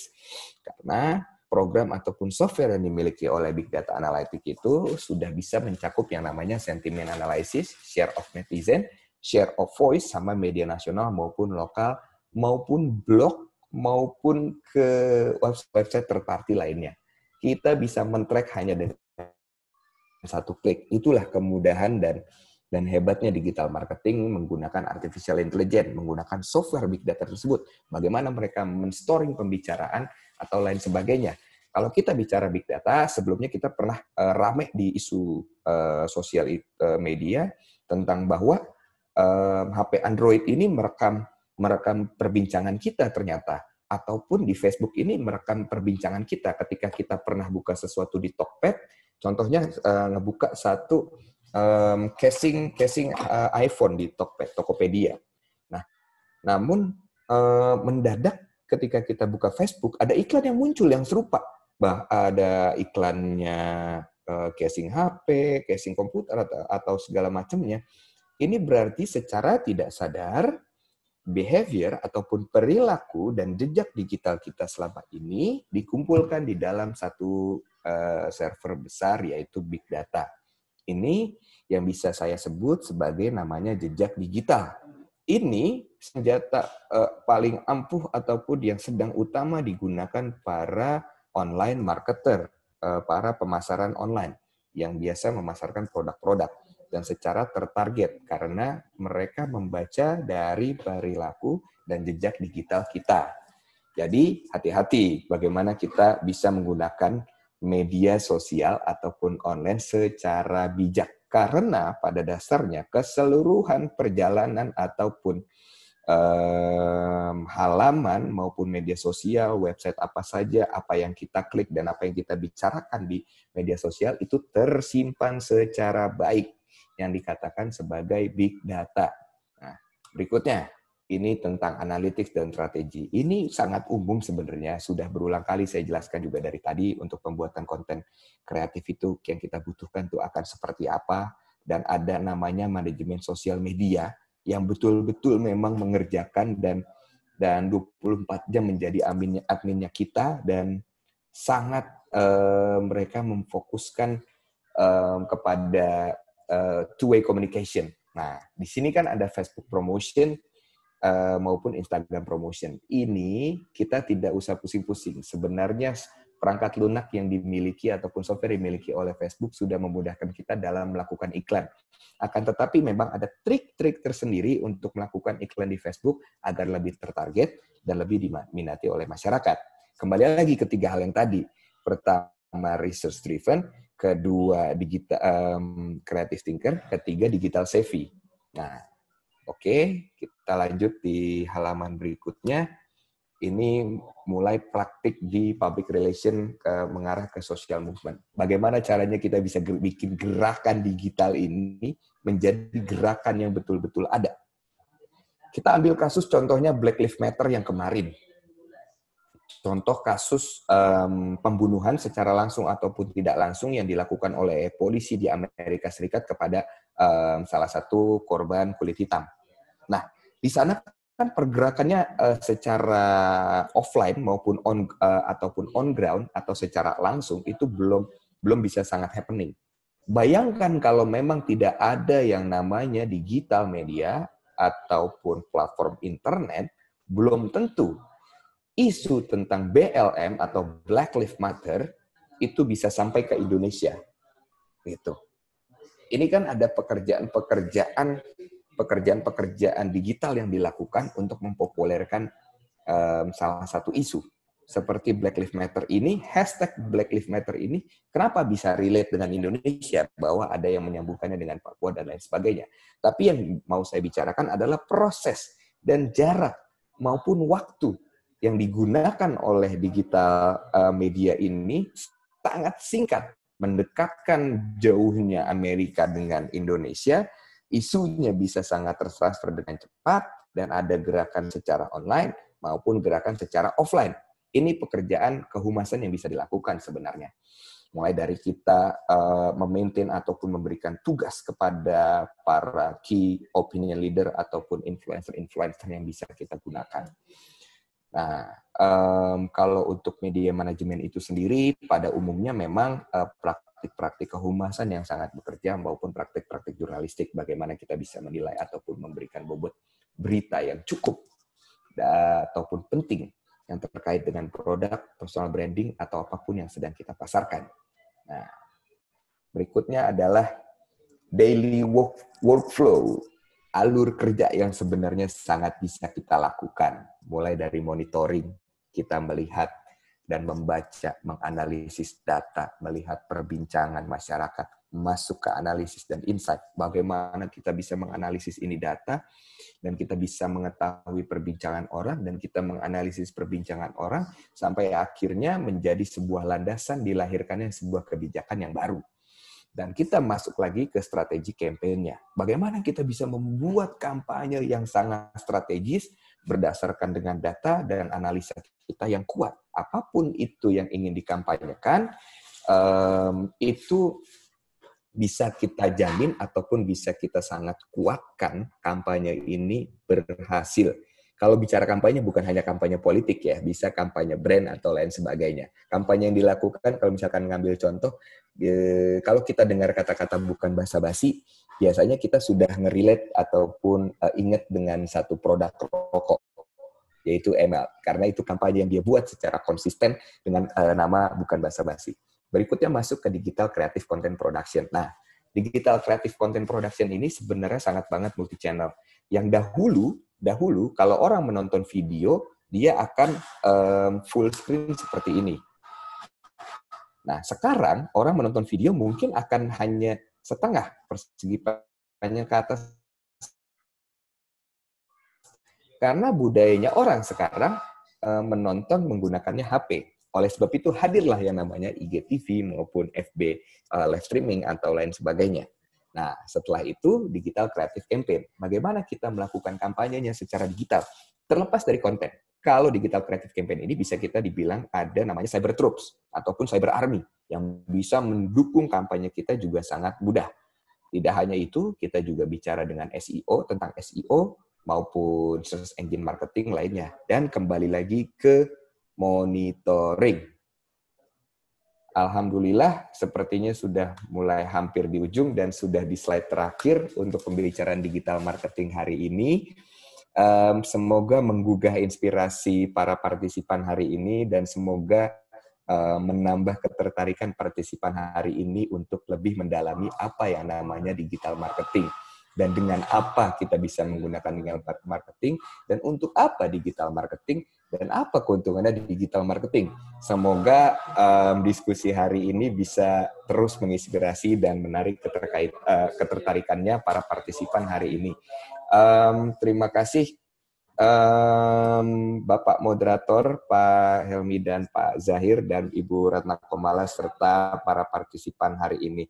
Sekian materi dari saya. Assalamualaikum warahmatullahi wabarakatuh.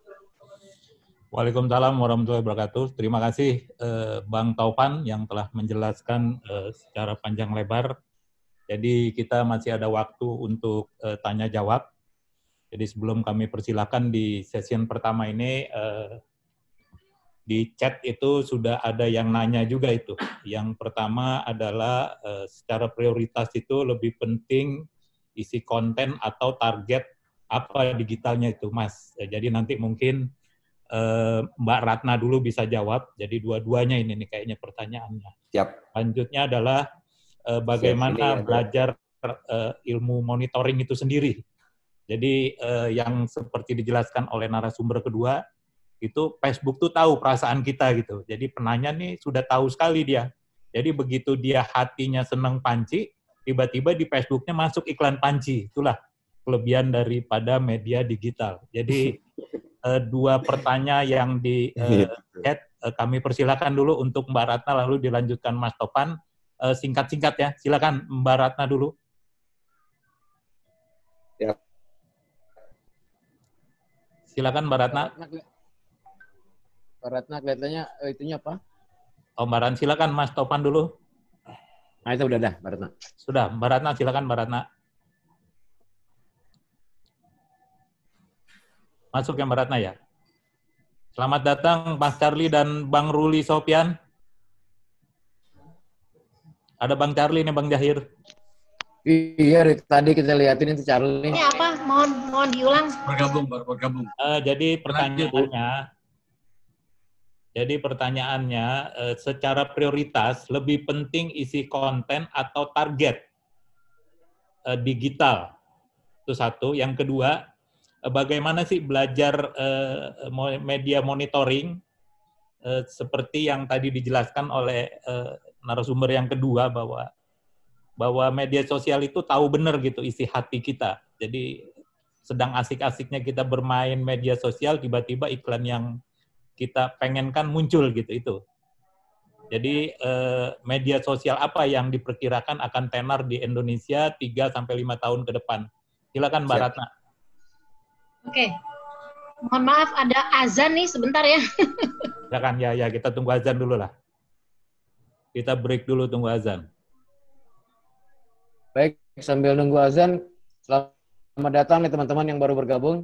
Tadi ada Bang Charlie, ada Nana, ada siapa nih? Eki 86, ada ini Pak Pak Helmi, ini ada Levina, ini Levina anak eh, orang anak ya, anak dari alumni SMA 54 yang juga ikut. Sama juga ada Andini, Fajria. Ini juga dua adik-adik kita yang memang alhamdulillah bergabung. Ya, ya, ya. Baik, Bang Charlie mana Bang Charlie? Nggak kelihatan ini. Apalagi goes. itu mukanya ditutupin. Selamat Guys, sore. Nggak lihat Sore. Selamat sore Bang Kenal nih yang ini. Alhamdulillah, Kang. Bang Sore. Charlie ini baru ya. kelihatan Bang Charlie mukanya baru dikasih lihat karena takut dikejar pajak sepeda dia. Oh itu hoax itu. Kita ngomongin hoax itu. Oke, oke. Silakan dilanjut saya eh, monitor para senior senior pakar-pakar nih. Silakan dilanjut. Jangan bilang senior, kita sama. Sa- sama maksudnya sama apanya nih? Sama-sama Ra? tua. Ini juga yang di sebelah sebelah Bang kita. Charlie, Bang Charlie nggak boleh ngomong senior kita. Kalau senior itu itu negatif sekali, seneng istri orang. Aduh. Wah. Oh iya, iya. eh nggak enak, nggak enak. Kita kita ganti aja. Soalnya Iya. di sini banyak junior. Kita Iya, ganti jadi kolonial aja gimana? Kolonial. Nah, Yang lain milenial jadi kolonial kitanya. Mudah-mudahan Bang Ruli nggak ninggalkan forum ini ya. Bang Ruli mana Bang Ruli nih? Oke.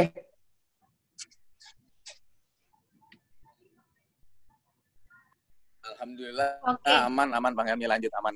Wah, kayaknya kenal nih. Silakan Mbak Rana. Udah Bang Oke, Helmi kayaknya salah. Loh, kenapa? Oke ya. Eh, mungkin saya coba baca eh, coba Ya, jawab pertanyaan yang pertama. Eh, mana lebih prioritas, target atau konten, gitu kan?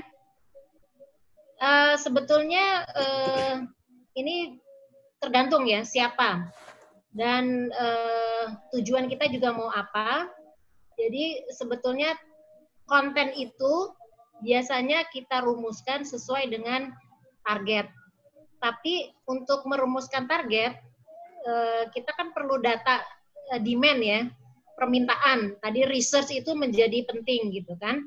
Nah kalau eh, untuk journalism, konten itu sebetulnya ada ada standar kaidah lah ya, kaidah jurnalisme itu misalnya yang pertama eh, konten itu menjadi penting ketika ada peristiwa misalnya yang aktual.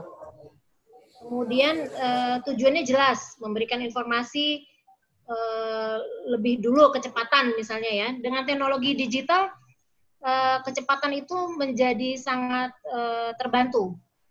Jadi kalau dulu prosesnya panjang menghasilkan konten, sekarang jauh lebih cepat.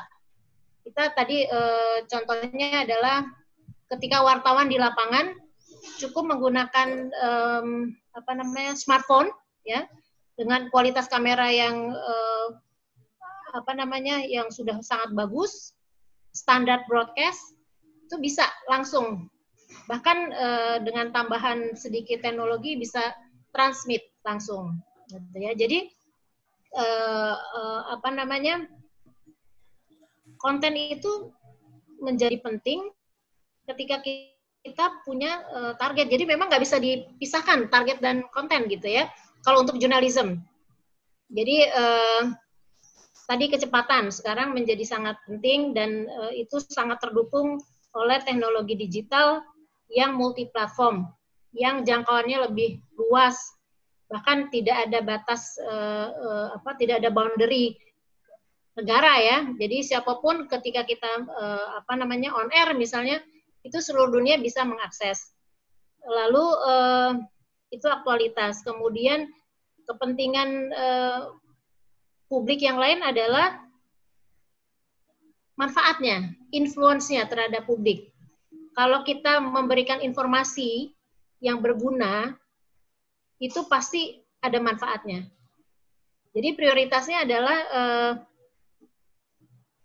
konten itu harus mengikuti target-target yang ingin dicapai oleh eh, media ya. Dan media jangan lupa media itu kan industri juga, jualan juga. Ujung-ujungnya apa sih yang disukai gitu ya. Sama juga sebetulnya. Jadi apa yang disukai kita tampilkan. Bagaimana mengemasnya? Kalau eh, dengan teknologi sekarang kita bukan cuma tadi ya, bukan cuma eh, satu platform, cuma audiovisual tapi juga dengan eh, apa namanya? bisa multi eh, apa eh, Windows misalnya ditampilkannya, kemudian pakai grafik yang eh, yang modern, yang menarik gitu ya. Itu jadi jadi sebuah kesatuan antara konten dan target. Tapi kalau ini saya bicara eh, jurnalisme ya. Nanti yang terkait dengan eh, apa namanya digital marketing dengan Mas Tovan, eh, intinya adalah ketika kita mau membuat berita, kita memikirkan eh, manfaat, terus kemudian eh, apa yang menarik, dan kalau di berita itu adalah ada proximity namanya. Proximity itu adalah sejauh mana kedekatan isu yang mau kita sampaikan ini dengan masyarakat. Masyarakat merasa tadi kalau panci, kok pengen panci itu muncul panci. Nah, sama ketika kita e, misalnya menayangkan keamanan perbankan gitu ya. Wah, lagi pas banget nih. Bermanfaat banget. Itu ada kedekatan dengan dengan eh, publik atau pemirsa. Jadi eh, kita harus memikirkan itu. Lalu eh, sebagai industri kita harus memikirkan juga apa sih yang menarik buat buat publik gitu ya. Misalnya yang menarik itu adalah sesuatu yang unik, sesuatu yang uh, apa namanya berkaitan dengan orang-orang terkenal yang kalau kalau uh, marketing sekarang uh, trennya adalah uh, endorsement gitu ya menggunakan seseorang yang terkenal kalau uh, berita yang kita wawancara adalah orang-orang yang punya uh, uh, apa namanya sebagai selebriti misalnya public figure itu akan lebih punya impact kepada publik gitu ya. Jadi memang standar-standar itulah yang harus diperhatikan ketika membuat konten untuk mencapai target gitu ya. Jadi target itu adalah goalnya, bagaimana mengemas dan mendelivery konten adalah instrumennya gitulah. Jadi eh, prioritasnya sama sebetulnya. Kalau kita dan kita pasti menetapkan target, kemudian kontennya seperti apa, gitu. Kurang lebih itu ya kalau kalau untuk uh, digital journalism. Baik, terima kasih Mbak Ratna. Silakan uh, Mas Topan, singkat jelas ya. Ya, um, terima kasih Pak Moderator. Ini ada beberapa pertanyaan saya lagi digging lagi. Um, pertanyaan eh, pertama ini dari Rule 96 kantornya di mana? Diskusi sambil ngopi-ngopi boleh. Ini ada pertanyaan media sosial yang perkirakan tenar Indonesia untuk 3 sampai 5 tahun ke depan. Untuk behaviornya Indonesia itu sendiri masih bertahan di Facebook hingga ke Instagram. Berikutnya masuk lagi ke Twitter. Tapi untuk bagaimana visualnya lebih bisa terpenuhi, yang akan tenar dan tetap digunakan itu adalah Facebook dan Instagram. Terlebih ada yang namanya Instagram TV dan lalu nanti mengarah ke podcast. Nah, berikutnya secara prioritas lebih penting isi konten atau target ads tadi sebelumnya sudah dijawab sama Ibu Ratna, um, apakah um, konten atau target ads-nya. Um, kalau boleh nambahkan, mungkin kalau untuk kontennya boleh karena itu adanya strong content. Nah, kekuatan dari konten kita, bagaimana caranya kita sedikit idealisme untuk memberikan konten yang terbaik untuk uh, masyarakat luas. Nah, kalau untuk pertanyaan belajar di mana tuh monitoring? Monitoring memang butuhkan waktu riset. Saya meriset ini lebih dari eh, empat uh, tahun sebenarnya untuk fokus ke bidang ini juga. Dan kalau, nah bagaimana trik-triknya supaya produk kita tetap selalu bisa eksis di media sosial? Pertama, uh, nyambung yang tadi Ibu Ratna bilang sebenarnya adalah kata-kata um, yang paling mudahnya ada terus. Nah, ada terus dalam artian kita eksis terus di media sosial, muncul terus di media sosial, bagaimanapun bentuk kontennya yang sangat relate dengan kita. Nah, uh, kalau untuk WA-nya nanti saya bisa ketik lagi. Nah, untuk digital marketing itu sendiri mungkin um, dan optimasi sosial media jawabannya hanya um, segitu aja sih. Dan bagaimana caranya kita bisa mengoptimasi? Kembali lagi ke kitanya. Apa yang mau kita capai apa yang mau kita berikan dan apa yang mau kita lakukan. Dari situ kita bisa kembali lagi apa yang bisa kita kembangkan, mulai dari strateginya, atau dari produknya, atau dari kontennya. Tetap yang namanya development. Seperti itu sih paling jawabannya. Sudah cukup singkat, padat, dan jelas ya, Pak Moderator. Terima kasih atas waktu dan tempatnya untuk menjawab pertanyaan. Assalamualaikum warahmatullahi Waalaikumsalam. Terima kasih. Eh, kami persilakan eh, session pertama eh, tiga penanya ya. Mungkin dari urut ya, dari 82 dulu kalau ada yang mau bertanya, silakan. Kalau nggak ada 83 silakan, 84. Silakan kalau ada yang mau bertanya.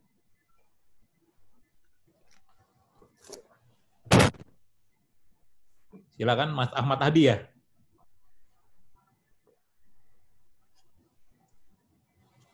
Ahmad Hadi silakan mau tanya. Silakan.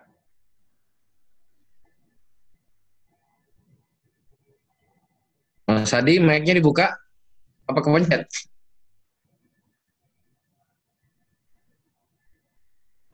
Sudah on ini sih. Tes, suaranya kedengeran? Tes, tes. Kedengeran? Kedengeran, kedengeran. Oke. Okay. Uh, eh, Mas Taufan, Mbak Ratna, saya Adi, 92. Ya. Halo. Halo. Ya, halo Mbak. Halo Mas. Terima kasih Bang Helmi, uh, Bang Jair atas kesempatannya. Ini sebenarnya webinar ini luar biasa ini. Saya eh, masa COVID ini empat bulan kemarin baru lulus bootcamp digital science sama Python. Pythonnya online. Kalau bootcampnya berbayar 10 jutaan lah itu. Nah, dasar-dasarnya adalah. nah ini Mantap. kayaknya menarik nih kalau Giran apa namanya ada kesempatan-kesempatan apa namanya kopi darat dengan narasumber kan gitu. Nah yang kedua kemarin Bang Jahir bilang gua ada workshop digital marketing. Nah saya baru daftar dan baru mulai eh, kursus digital mar- marketing dari, di salah satu institut empat bulan juga biayanya 10 juta. Nah eh, saya mau tanya ke apa namanya Mbak Ratna. Ini pertama ini kan zaman eh, online begini, ba- eh, apa nih kita semua dari tukang beca ya kan gitu, dari bukan tukang sampai ahlinya tukang itu main semua perangkat. Dan eh, kekinian ini banyak yang ngutip-ngutip, ngutip-ngutip eh, dari eh, media mainstream kan gitu, dikutip lalu di-share kan gitu. Ada yang tanpa tanpa penjelasan, ada yang dengan penjelasan kan gitu. Nah ini eh, apa namanya? Gimana tuh efek ininya?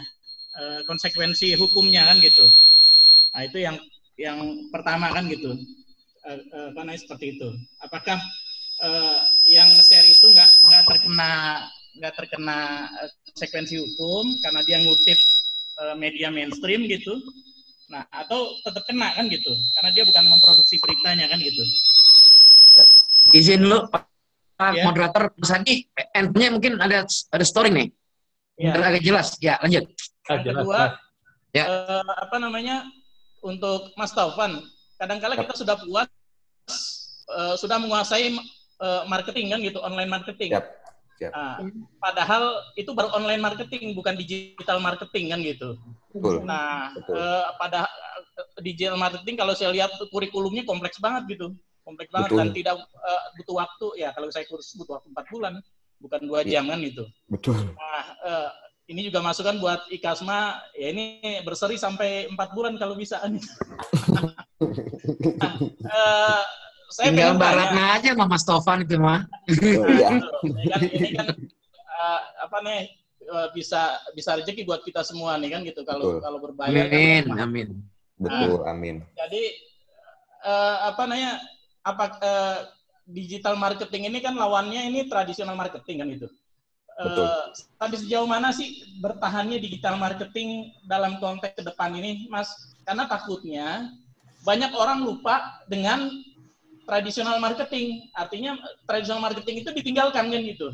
Ya? Iya. Cukup tahu aja kan itu. Kalau zaman dulu eh, pada saat eh, zaman-zamannya tradisional kan itu, zaman-zaman eh, apa apa adanya itu eh, digital online itu cukup tahu aja kan itu. Nah, jangan-jangan ke depannya ini yang berbau apa namanya eh, kopdar tradisional dan sebagainya itu cukup tahu aja. Ya kan mungkin Hmm. 9%, 10% kan gitu. Tatap muka langsung. Nah, sekarang via Zoom aja kan gitu kalau ketemu. Nah, sekarang via WA aja kan gitu. Iya. Nah, nggak perlu ketemu, ketemu setahun sekali dan sebagainya. Nah, ini eh, apa namanya menurut Mas Taufan gimana tuh?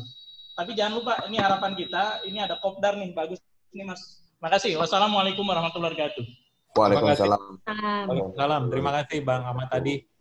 Eh, kami persilakan untuk eh, Bang Taufan dulu dijawab ya, bagaimana kiat-kiat eh, digital medianya itu eh, mudah-mudahan Ikasma kita bisa berlanjut. Jadi kalau Coping Ho berapa seri kita mungkin akan ngelebihin Coping Ho. Ya, Siap. tinggal kita booking Mbak Ratna sama Mas Taufik aja. Iya, siap. Eh, Kalau- ya. Kenapa? Kenapa? Em, aku coba mau jawab ini deh, eh, yang tadi dari Pak ini dari Pak Ahmad Hadi tentang pertanyaannya kiat-kiatnya akan seperti apa dan apakah akan ditinggalkan atau tidak. Sebenarnya itu juga tidak. Ini sudah pembicaraan sekitar puluhan tahun yang lalu ketika keluar namanya berita online. Yang sebelum kita melihat berita online itu kita hanya bisa melihatnya di koran. Tapi sekarang bisnis industri eh, cetak itu akhirnya beralih, dia mengeluarkannya e-paper. Nah, begitu halnya eh, dengan konsep marketing ini sendiri. Mungkin kalau yang konvensional bisa kita katakan adalah eh, words of mouth. Jadi kita ngasih info ke orang lain dan akan diteruskan. Maupun pencetakan flyer ataupun pencetakan brosur eh, dan lain sebagainya dan kampanye online itu. Kalau tadi saya bilang sebelumnya, ini kita bisa menarik hal yang berbeda. Jadi piramidanya akan terbalik. Kalau kita melakukan kampanye secara langsung ataupun on ground, belum tentu kita bisa melakukan kampanye itu secara digital. Yang serunya tantangannya adalah ketika kita bikin gerakannya secara digital, akan tetapi itu berefek bahwa on ground-nya dan gerakan secara langsungnya juga bergerak. Nah, ini kan banyak sekali yang di, uh, sering digunakan oleh para brand-brand itu sendiri. Nah, kalau untuk keeksisannya dan segala macamnya, saya yakin digital media masih menjadi masa depan. Kalau menghitung tahunnya, saya bisa katakan ini akan bertahan lebih dari 10 tahun lagi. Yang berubah ada adalah platformnya. Tapi untuk sejauh ini, perkara dari riset, apa yang digunakan di Indonesia, memang masih kuat um, di be hanya beberapa sosial media. Uh, contohnya ada YouTube, uh, WhatsApp, Facebook, Instagram, Twitter, dan Line. Ini ada enam tertinggi.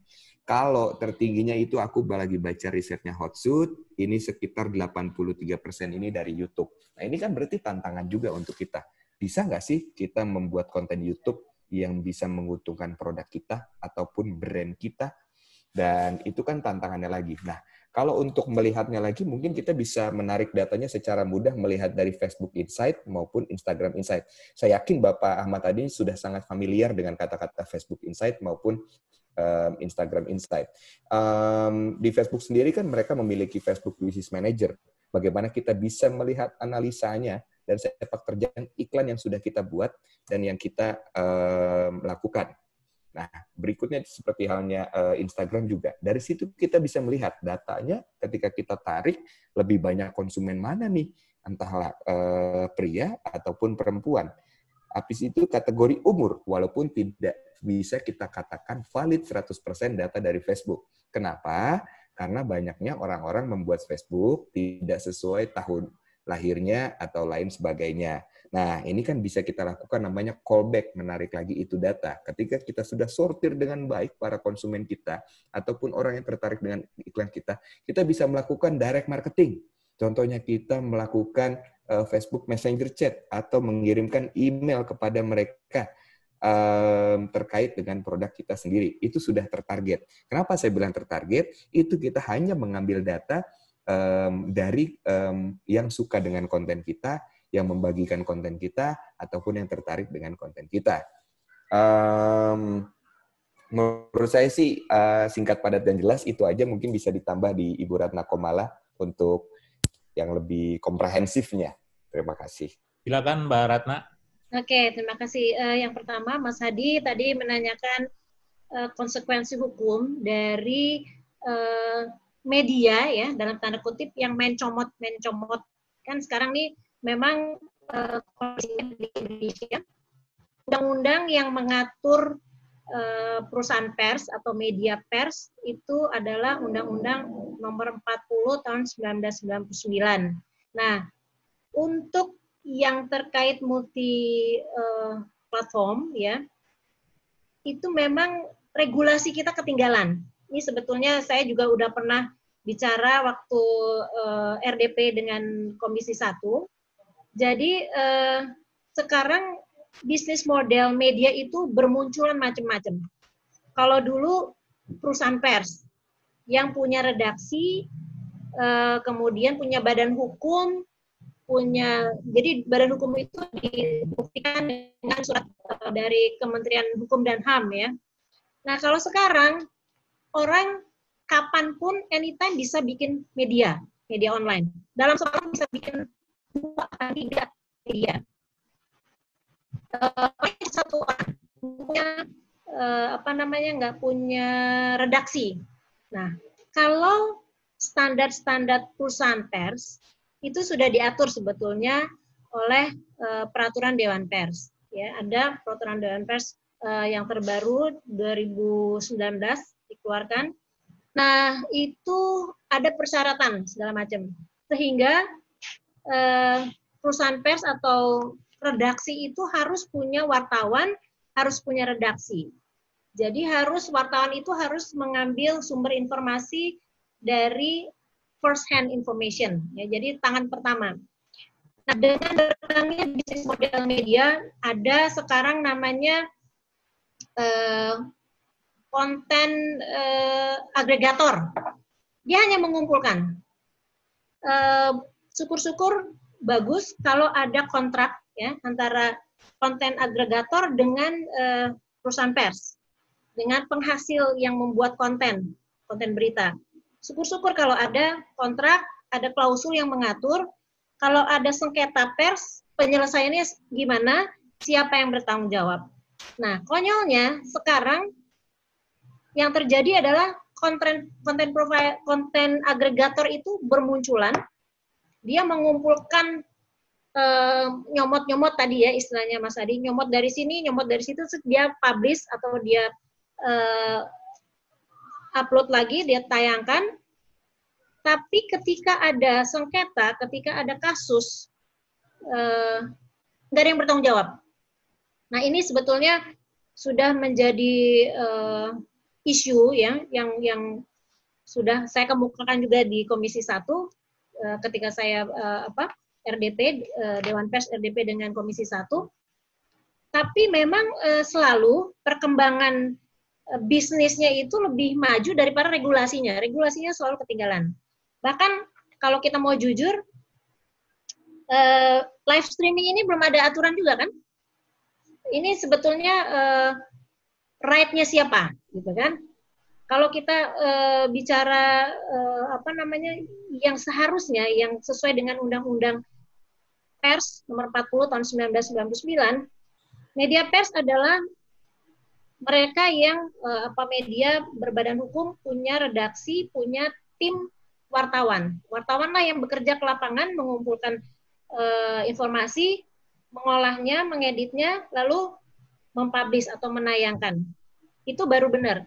Nah, kalau yang nyomot-nyomot itu sebetulnya sama dengan plagiat. Plagiat itu ada uh, pasalnya ya, jadi bisa bisa dipidana. Jadi uh, kalau sekedar ada kesalahan etika, misalnya kesalahan menyebutkan uh, nama atau menyebutkan kesalahan kecil-kecil lah, itu biasanya sengketa pers itu diselesaikan dengan permintaan maaf, hak koreksi, ya. Kemudian eh, kita kasih hak jawab, pers memberikan hak jawab. Tapi kalau sudah eh, apa namanya mengambil mencomot itu kan eh, plagiat ya. Jadi ada undang-undang lain di luar undang-undang 40. Jadi bisa dipidanakan. Sebetulnya itu Mas Adi. Jadi kalau dilaporkan itu bisa dipidanakan. Sayangnya sekarang saya beberapa kali menemukan kasus ya, jadi ketika ada kesalahan dan kesalahan itu fatal, sementara dia eh, si konten agregator ini mengambil dari misalnya katakanlah eh, sebuah eh, media online yang yang mainstream ya, tapi di situ eh, bingung mereka siapa yang bertanggung jawab? Apakah yang menghasilkan pertama ataukah yang mengutip dan mempublish uh, ulang. Itu satu.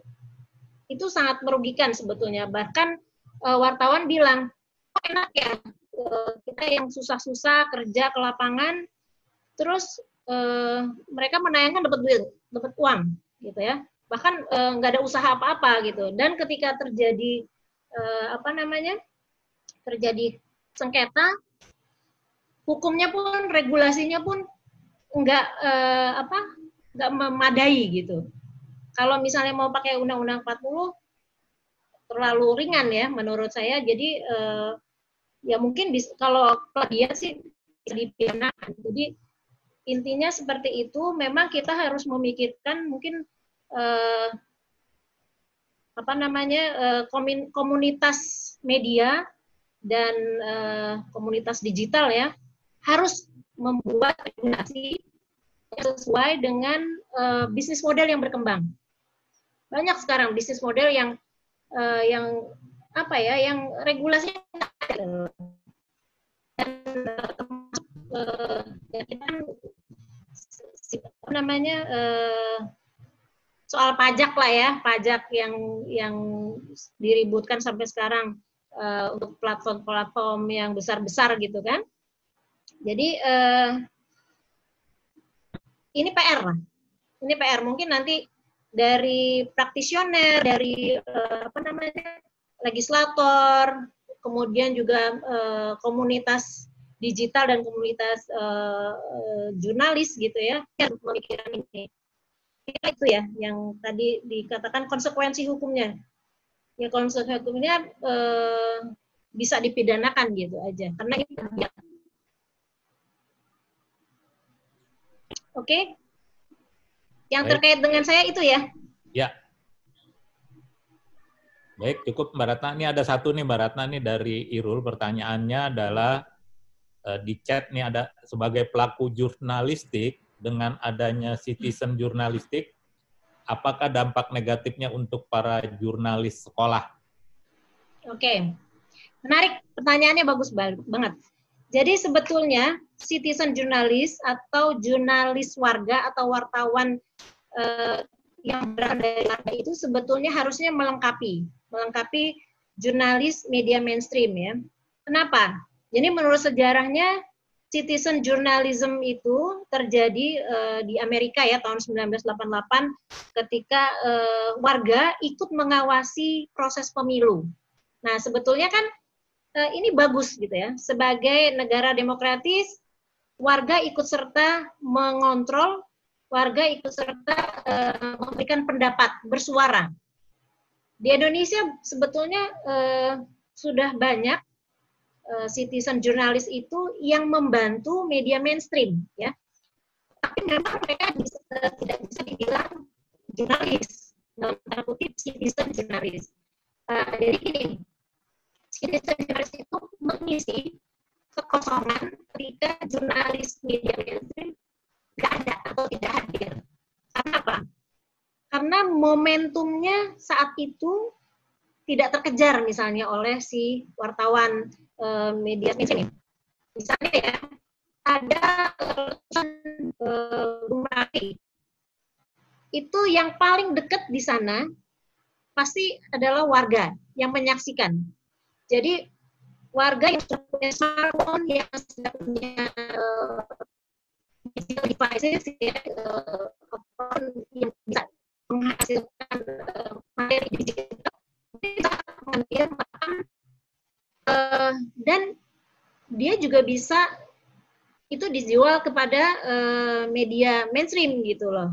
Jadi melengkapi media mainstream yang dalam tanda kutip gagal hadir bisa juga ketika terjadi misalnya jembatan runtuh ya waktu itu di Kalimantan Kalimantan Timur ada jembatan e, runtuh yang menyaksikan dan merekam itu adalah warga bukan wartawan.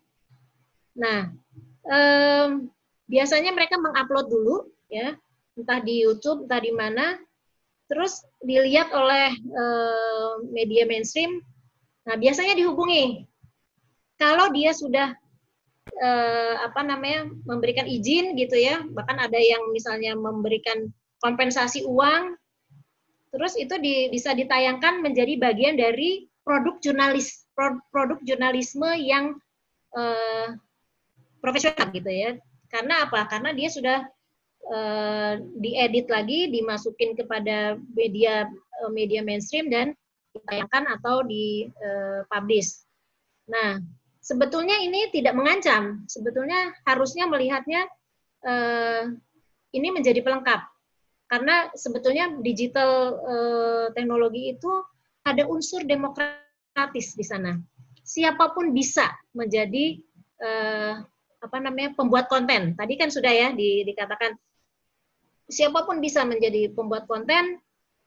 Eh, tapi kalau kita eh, mau belajar yang baik, ya tadi menjadi uh, profesional di multimedia uh, apa multi platform media ya kita harus belajar juga standar-standar. Mungkin nggak perlu jadi sekarang jadi independen uh, jurnalis banyak banget ya. Banyak banget.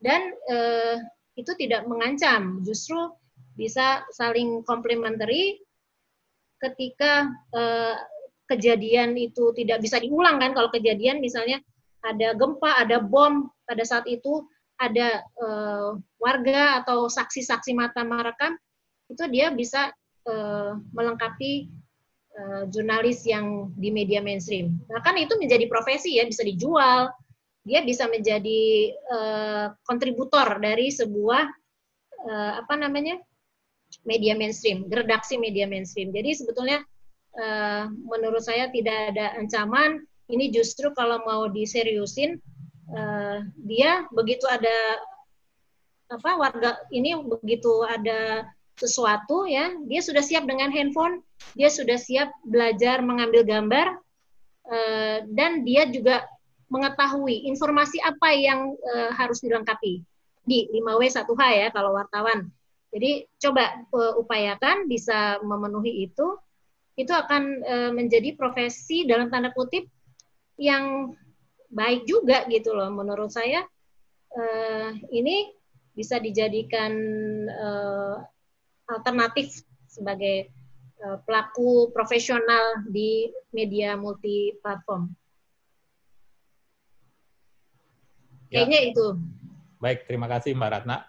Silakan Mas Topan singkat ya untuk yang pertanyaan citizen jurnalistik dan eh, bagaimana dengan eh, YouTube yang ada di chat tadi tuh dengan sekarang lagi ngetren banget jadi TikTok. Jadi kalau anak-anak yang eh, 2000-an itu ditanya cita-citanya jadi apa? YouTuber, nggak ada yang mau jadi dokter rata-rata. Silakan Mas Topan. Siap. Um, terima kasih Pak Moderator atas waktunya. Untuk citizen jurnalistik, sebenarnya aku bisa nyambung yang tadi um, Ibu Ratna bilang dan memang tidak ada namanya kekurangan ataupun um, kehabisan jatah gitu sebagai para jurnalis gitu. Apakah adanya citizen jurnalis ini akan menghilangkan praktik-praktik jurnalisme yang sesuai syarat ataupun tidak? Tadi sudah dijelaskan sama Ibu Ratna terkait dengan um, jurnalis itu sendiri maupun kode etik dan lain sebagainya. Paling di sini saya hanya menambahkan citizen jurnalistik itu um, sebenarnya memang sangat membantu dan saya setuju sekali apa yang Bu Rana bilang. Ini sangat membantu proses produksi dan lain sebagainya. Uh, tapi kan kembali lagi, apakah dari citizen jurnalis itu mengedepankan kode etik atau tidak? Oleh sebab itu, media arus utama maupun uh, seperti online atau lain sebagainya, mereka akan menghubungi dan melengkapi informasi-informasi tersebut. Nah, lalu itu bisa lolos media redaksi dan sudah sesuai dengan standar kode etik jurnalistik. Nah, untuk berikutnya citizen jurnalis ini apalagi membicarakan tentang uh, brand ataupun digital marketing ya. Kebutuhannya citizen jurnalistik ini juga sangat tinggi. Yang sebelumnya kita bisa yang sudah saya bilang seperti halnya uh, namanya cyber troops ataupun cyber army yang selalu ada di um, seluruh media sosial. Yang terakhir kan yang lagi ramai kemarin kasusnya bintang Emon kenapa itu bisa rame tiba-tiba ada uh, citizen jurnalis mungkin yang memberikan fakta-fakta yang belum valid yang bisa saya sebut itu sebagai um, cyber troops juga um, pasukan siber pasukan siber lalu um, isu tersebut mudah ditutupi oleh para fans K-pop karena militansinya fans K-pop di media sosial itu sangat tinggi jadi menurut aku terkait dengan citizen jurnalistik tidak akan mengganggu proses produksi maupun jurnalis secara profesional dan tidak akan mengambil lahan atau lain sebagainya. Nah, melainkan ini membuat masyarakat sangat melek terhadap digital. Tandanya uh, digital dan penetrasinya digital di Indonesia itu tinggi, uh, bisa dikatakan salah satu indikatornya banyaknya citizen jurnalis. Karena banyaknya orang sudah sangat menggunakan dan memiliki uh, sense ataupun rasa tentang mengabadikan sesuatu, apakah itu penting ataupun tidak. Misalkan banyak yang tidak penting hanya hanya iseng saja buat di TikTok atau lain sebagainya. Melainkan kalau dia bukannya di Instagram Story ataupun Facebook Story atau masukin ke YouTube tentang peristiwa seperti um, gempa bumi atau lain sebagainya yang tadi Bu Ratna bilang, itu juga uh, membuat uh, uh, menjadikan ini sebuah indikator bahwa masyarakat Indonesia itu sangat melek terhadap digital dan media sosial begitu mudahnya mereka melakukan komunikasi dua arah, tiga arah maupun uh, multi arah yang dilakukan dari media sosial ini sendiri. Nah, um, berikutnya kalau misalkan mau tambahkan lagi tentang citizen jurnalis, contoh-contoh yang tadinya seperti yang bintang Emon atau lain sebagainya itu sudah sangat lumrah yang bisa kita lihat bagaimana uh, masyarakat ini bisa dengan dengan mudahnya melakukan komentar atau lainnya mungkin akan ada sesi berikutnya kalau kita membahas tentang yang namanya uh, pengguna media sosial itu sendiri. Karena ada salah satu tren terbaru, bukan terbaru, memang sudah lama, sudah lama sebenarnya tren tentang namanya bikin double account ataupun akun ganda yang tidak asli dari diri dia. Yang bisa aku katakan secara sosiologis atau psikologisnya ini, ini bisa dikatakan alter ego bahwa adalah diri dia yang lainnya yang ada di sosial media. Nah, ini yang bisa kita sebut namanya juga virtual uh, realitinya ya. Mereka ini yang aku salah satu penelitian aku yang aku lakukan dengan uh, tentang namanya digital embodiment bahwa kita pribadi memiliki rasa ingin menjadi orang lain di media sosial. Walaupun tidak serta-merta kita menjadi diri kita pada umumnya. Dalam artian kita ini siapa dan identitas kita ini siapa. Melainkan ada eh, orang-orang lain yang ingin menciptakan um, DNA-nya uh, sendiri di sosial media dengan orang yang berbeda.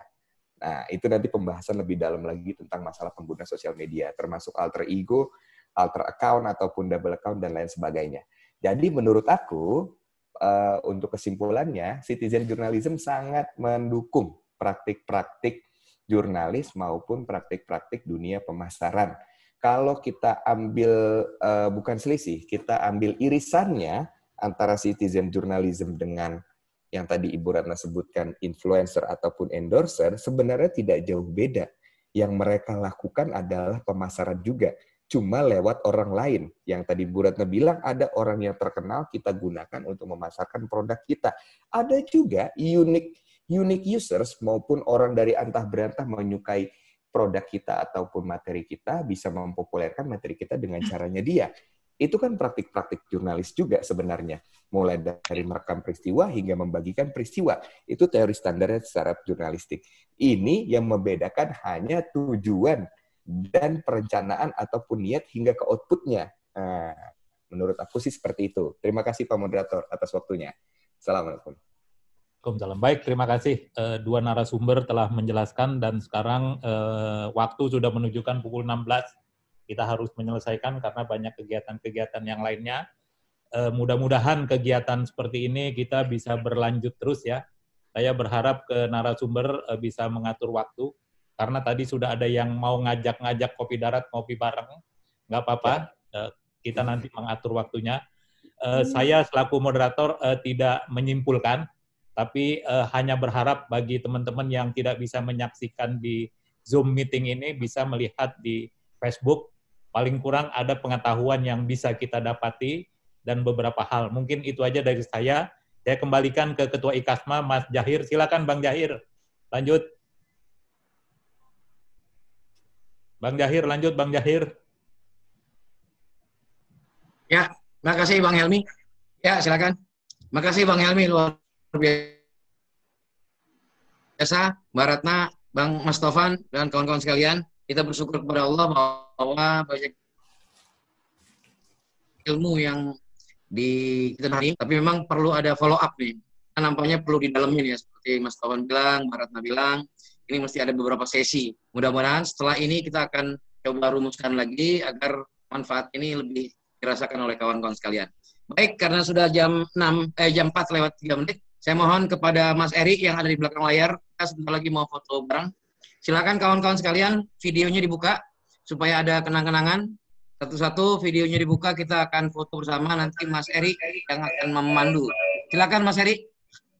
Oke, mohon dibuka dulu uh, videonya, foto videonya. Semua masih ada yang belum. Buana, Ponirin, Neneng, Ratna Wulan sudah buka, Yusuf Amran, Bang Charlie, Duanda, Puan Nana, ya, siap ya. Asri. Sebentar, sebentar, masih ada yang tutup nih. Baba satu, dua, Ahmad Fauzi.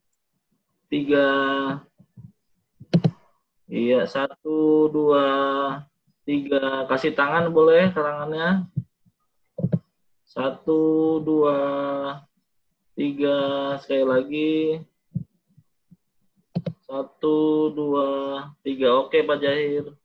Baik, terima kasih Mas Eri. Ini Mas Eri ada di belakang layar. Terima kasih Mas Eri yang membantu Terima kasih Mas Eri. Terima kasih. Ya. Terima kasih Mas Helmi. Akhirnya dengan mengucap Alhamdulillah kita tutup pertemuan workshop virtual hari ini. Mudah-mudahan Allah akan memberkahi semua ilmunya. Demikian terima kasih. Assalamualaikum warahmatullahi wabarakatuh. Waalaikumsalam warahmatullahi wabarakatuh. Masih ada waktu. Pak Syukur. Assalamualaikum Pak Syukur. Ya, ya. Terima kasih, Mas Topar. Terima kasih. Bapak-bapak, Bang Ibu. Charlie.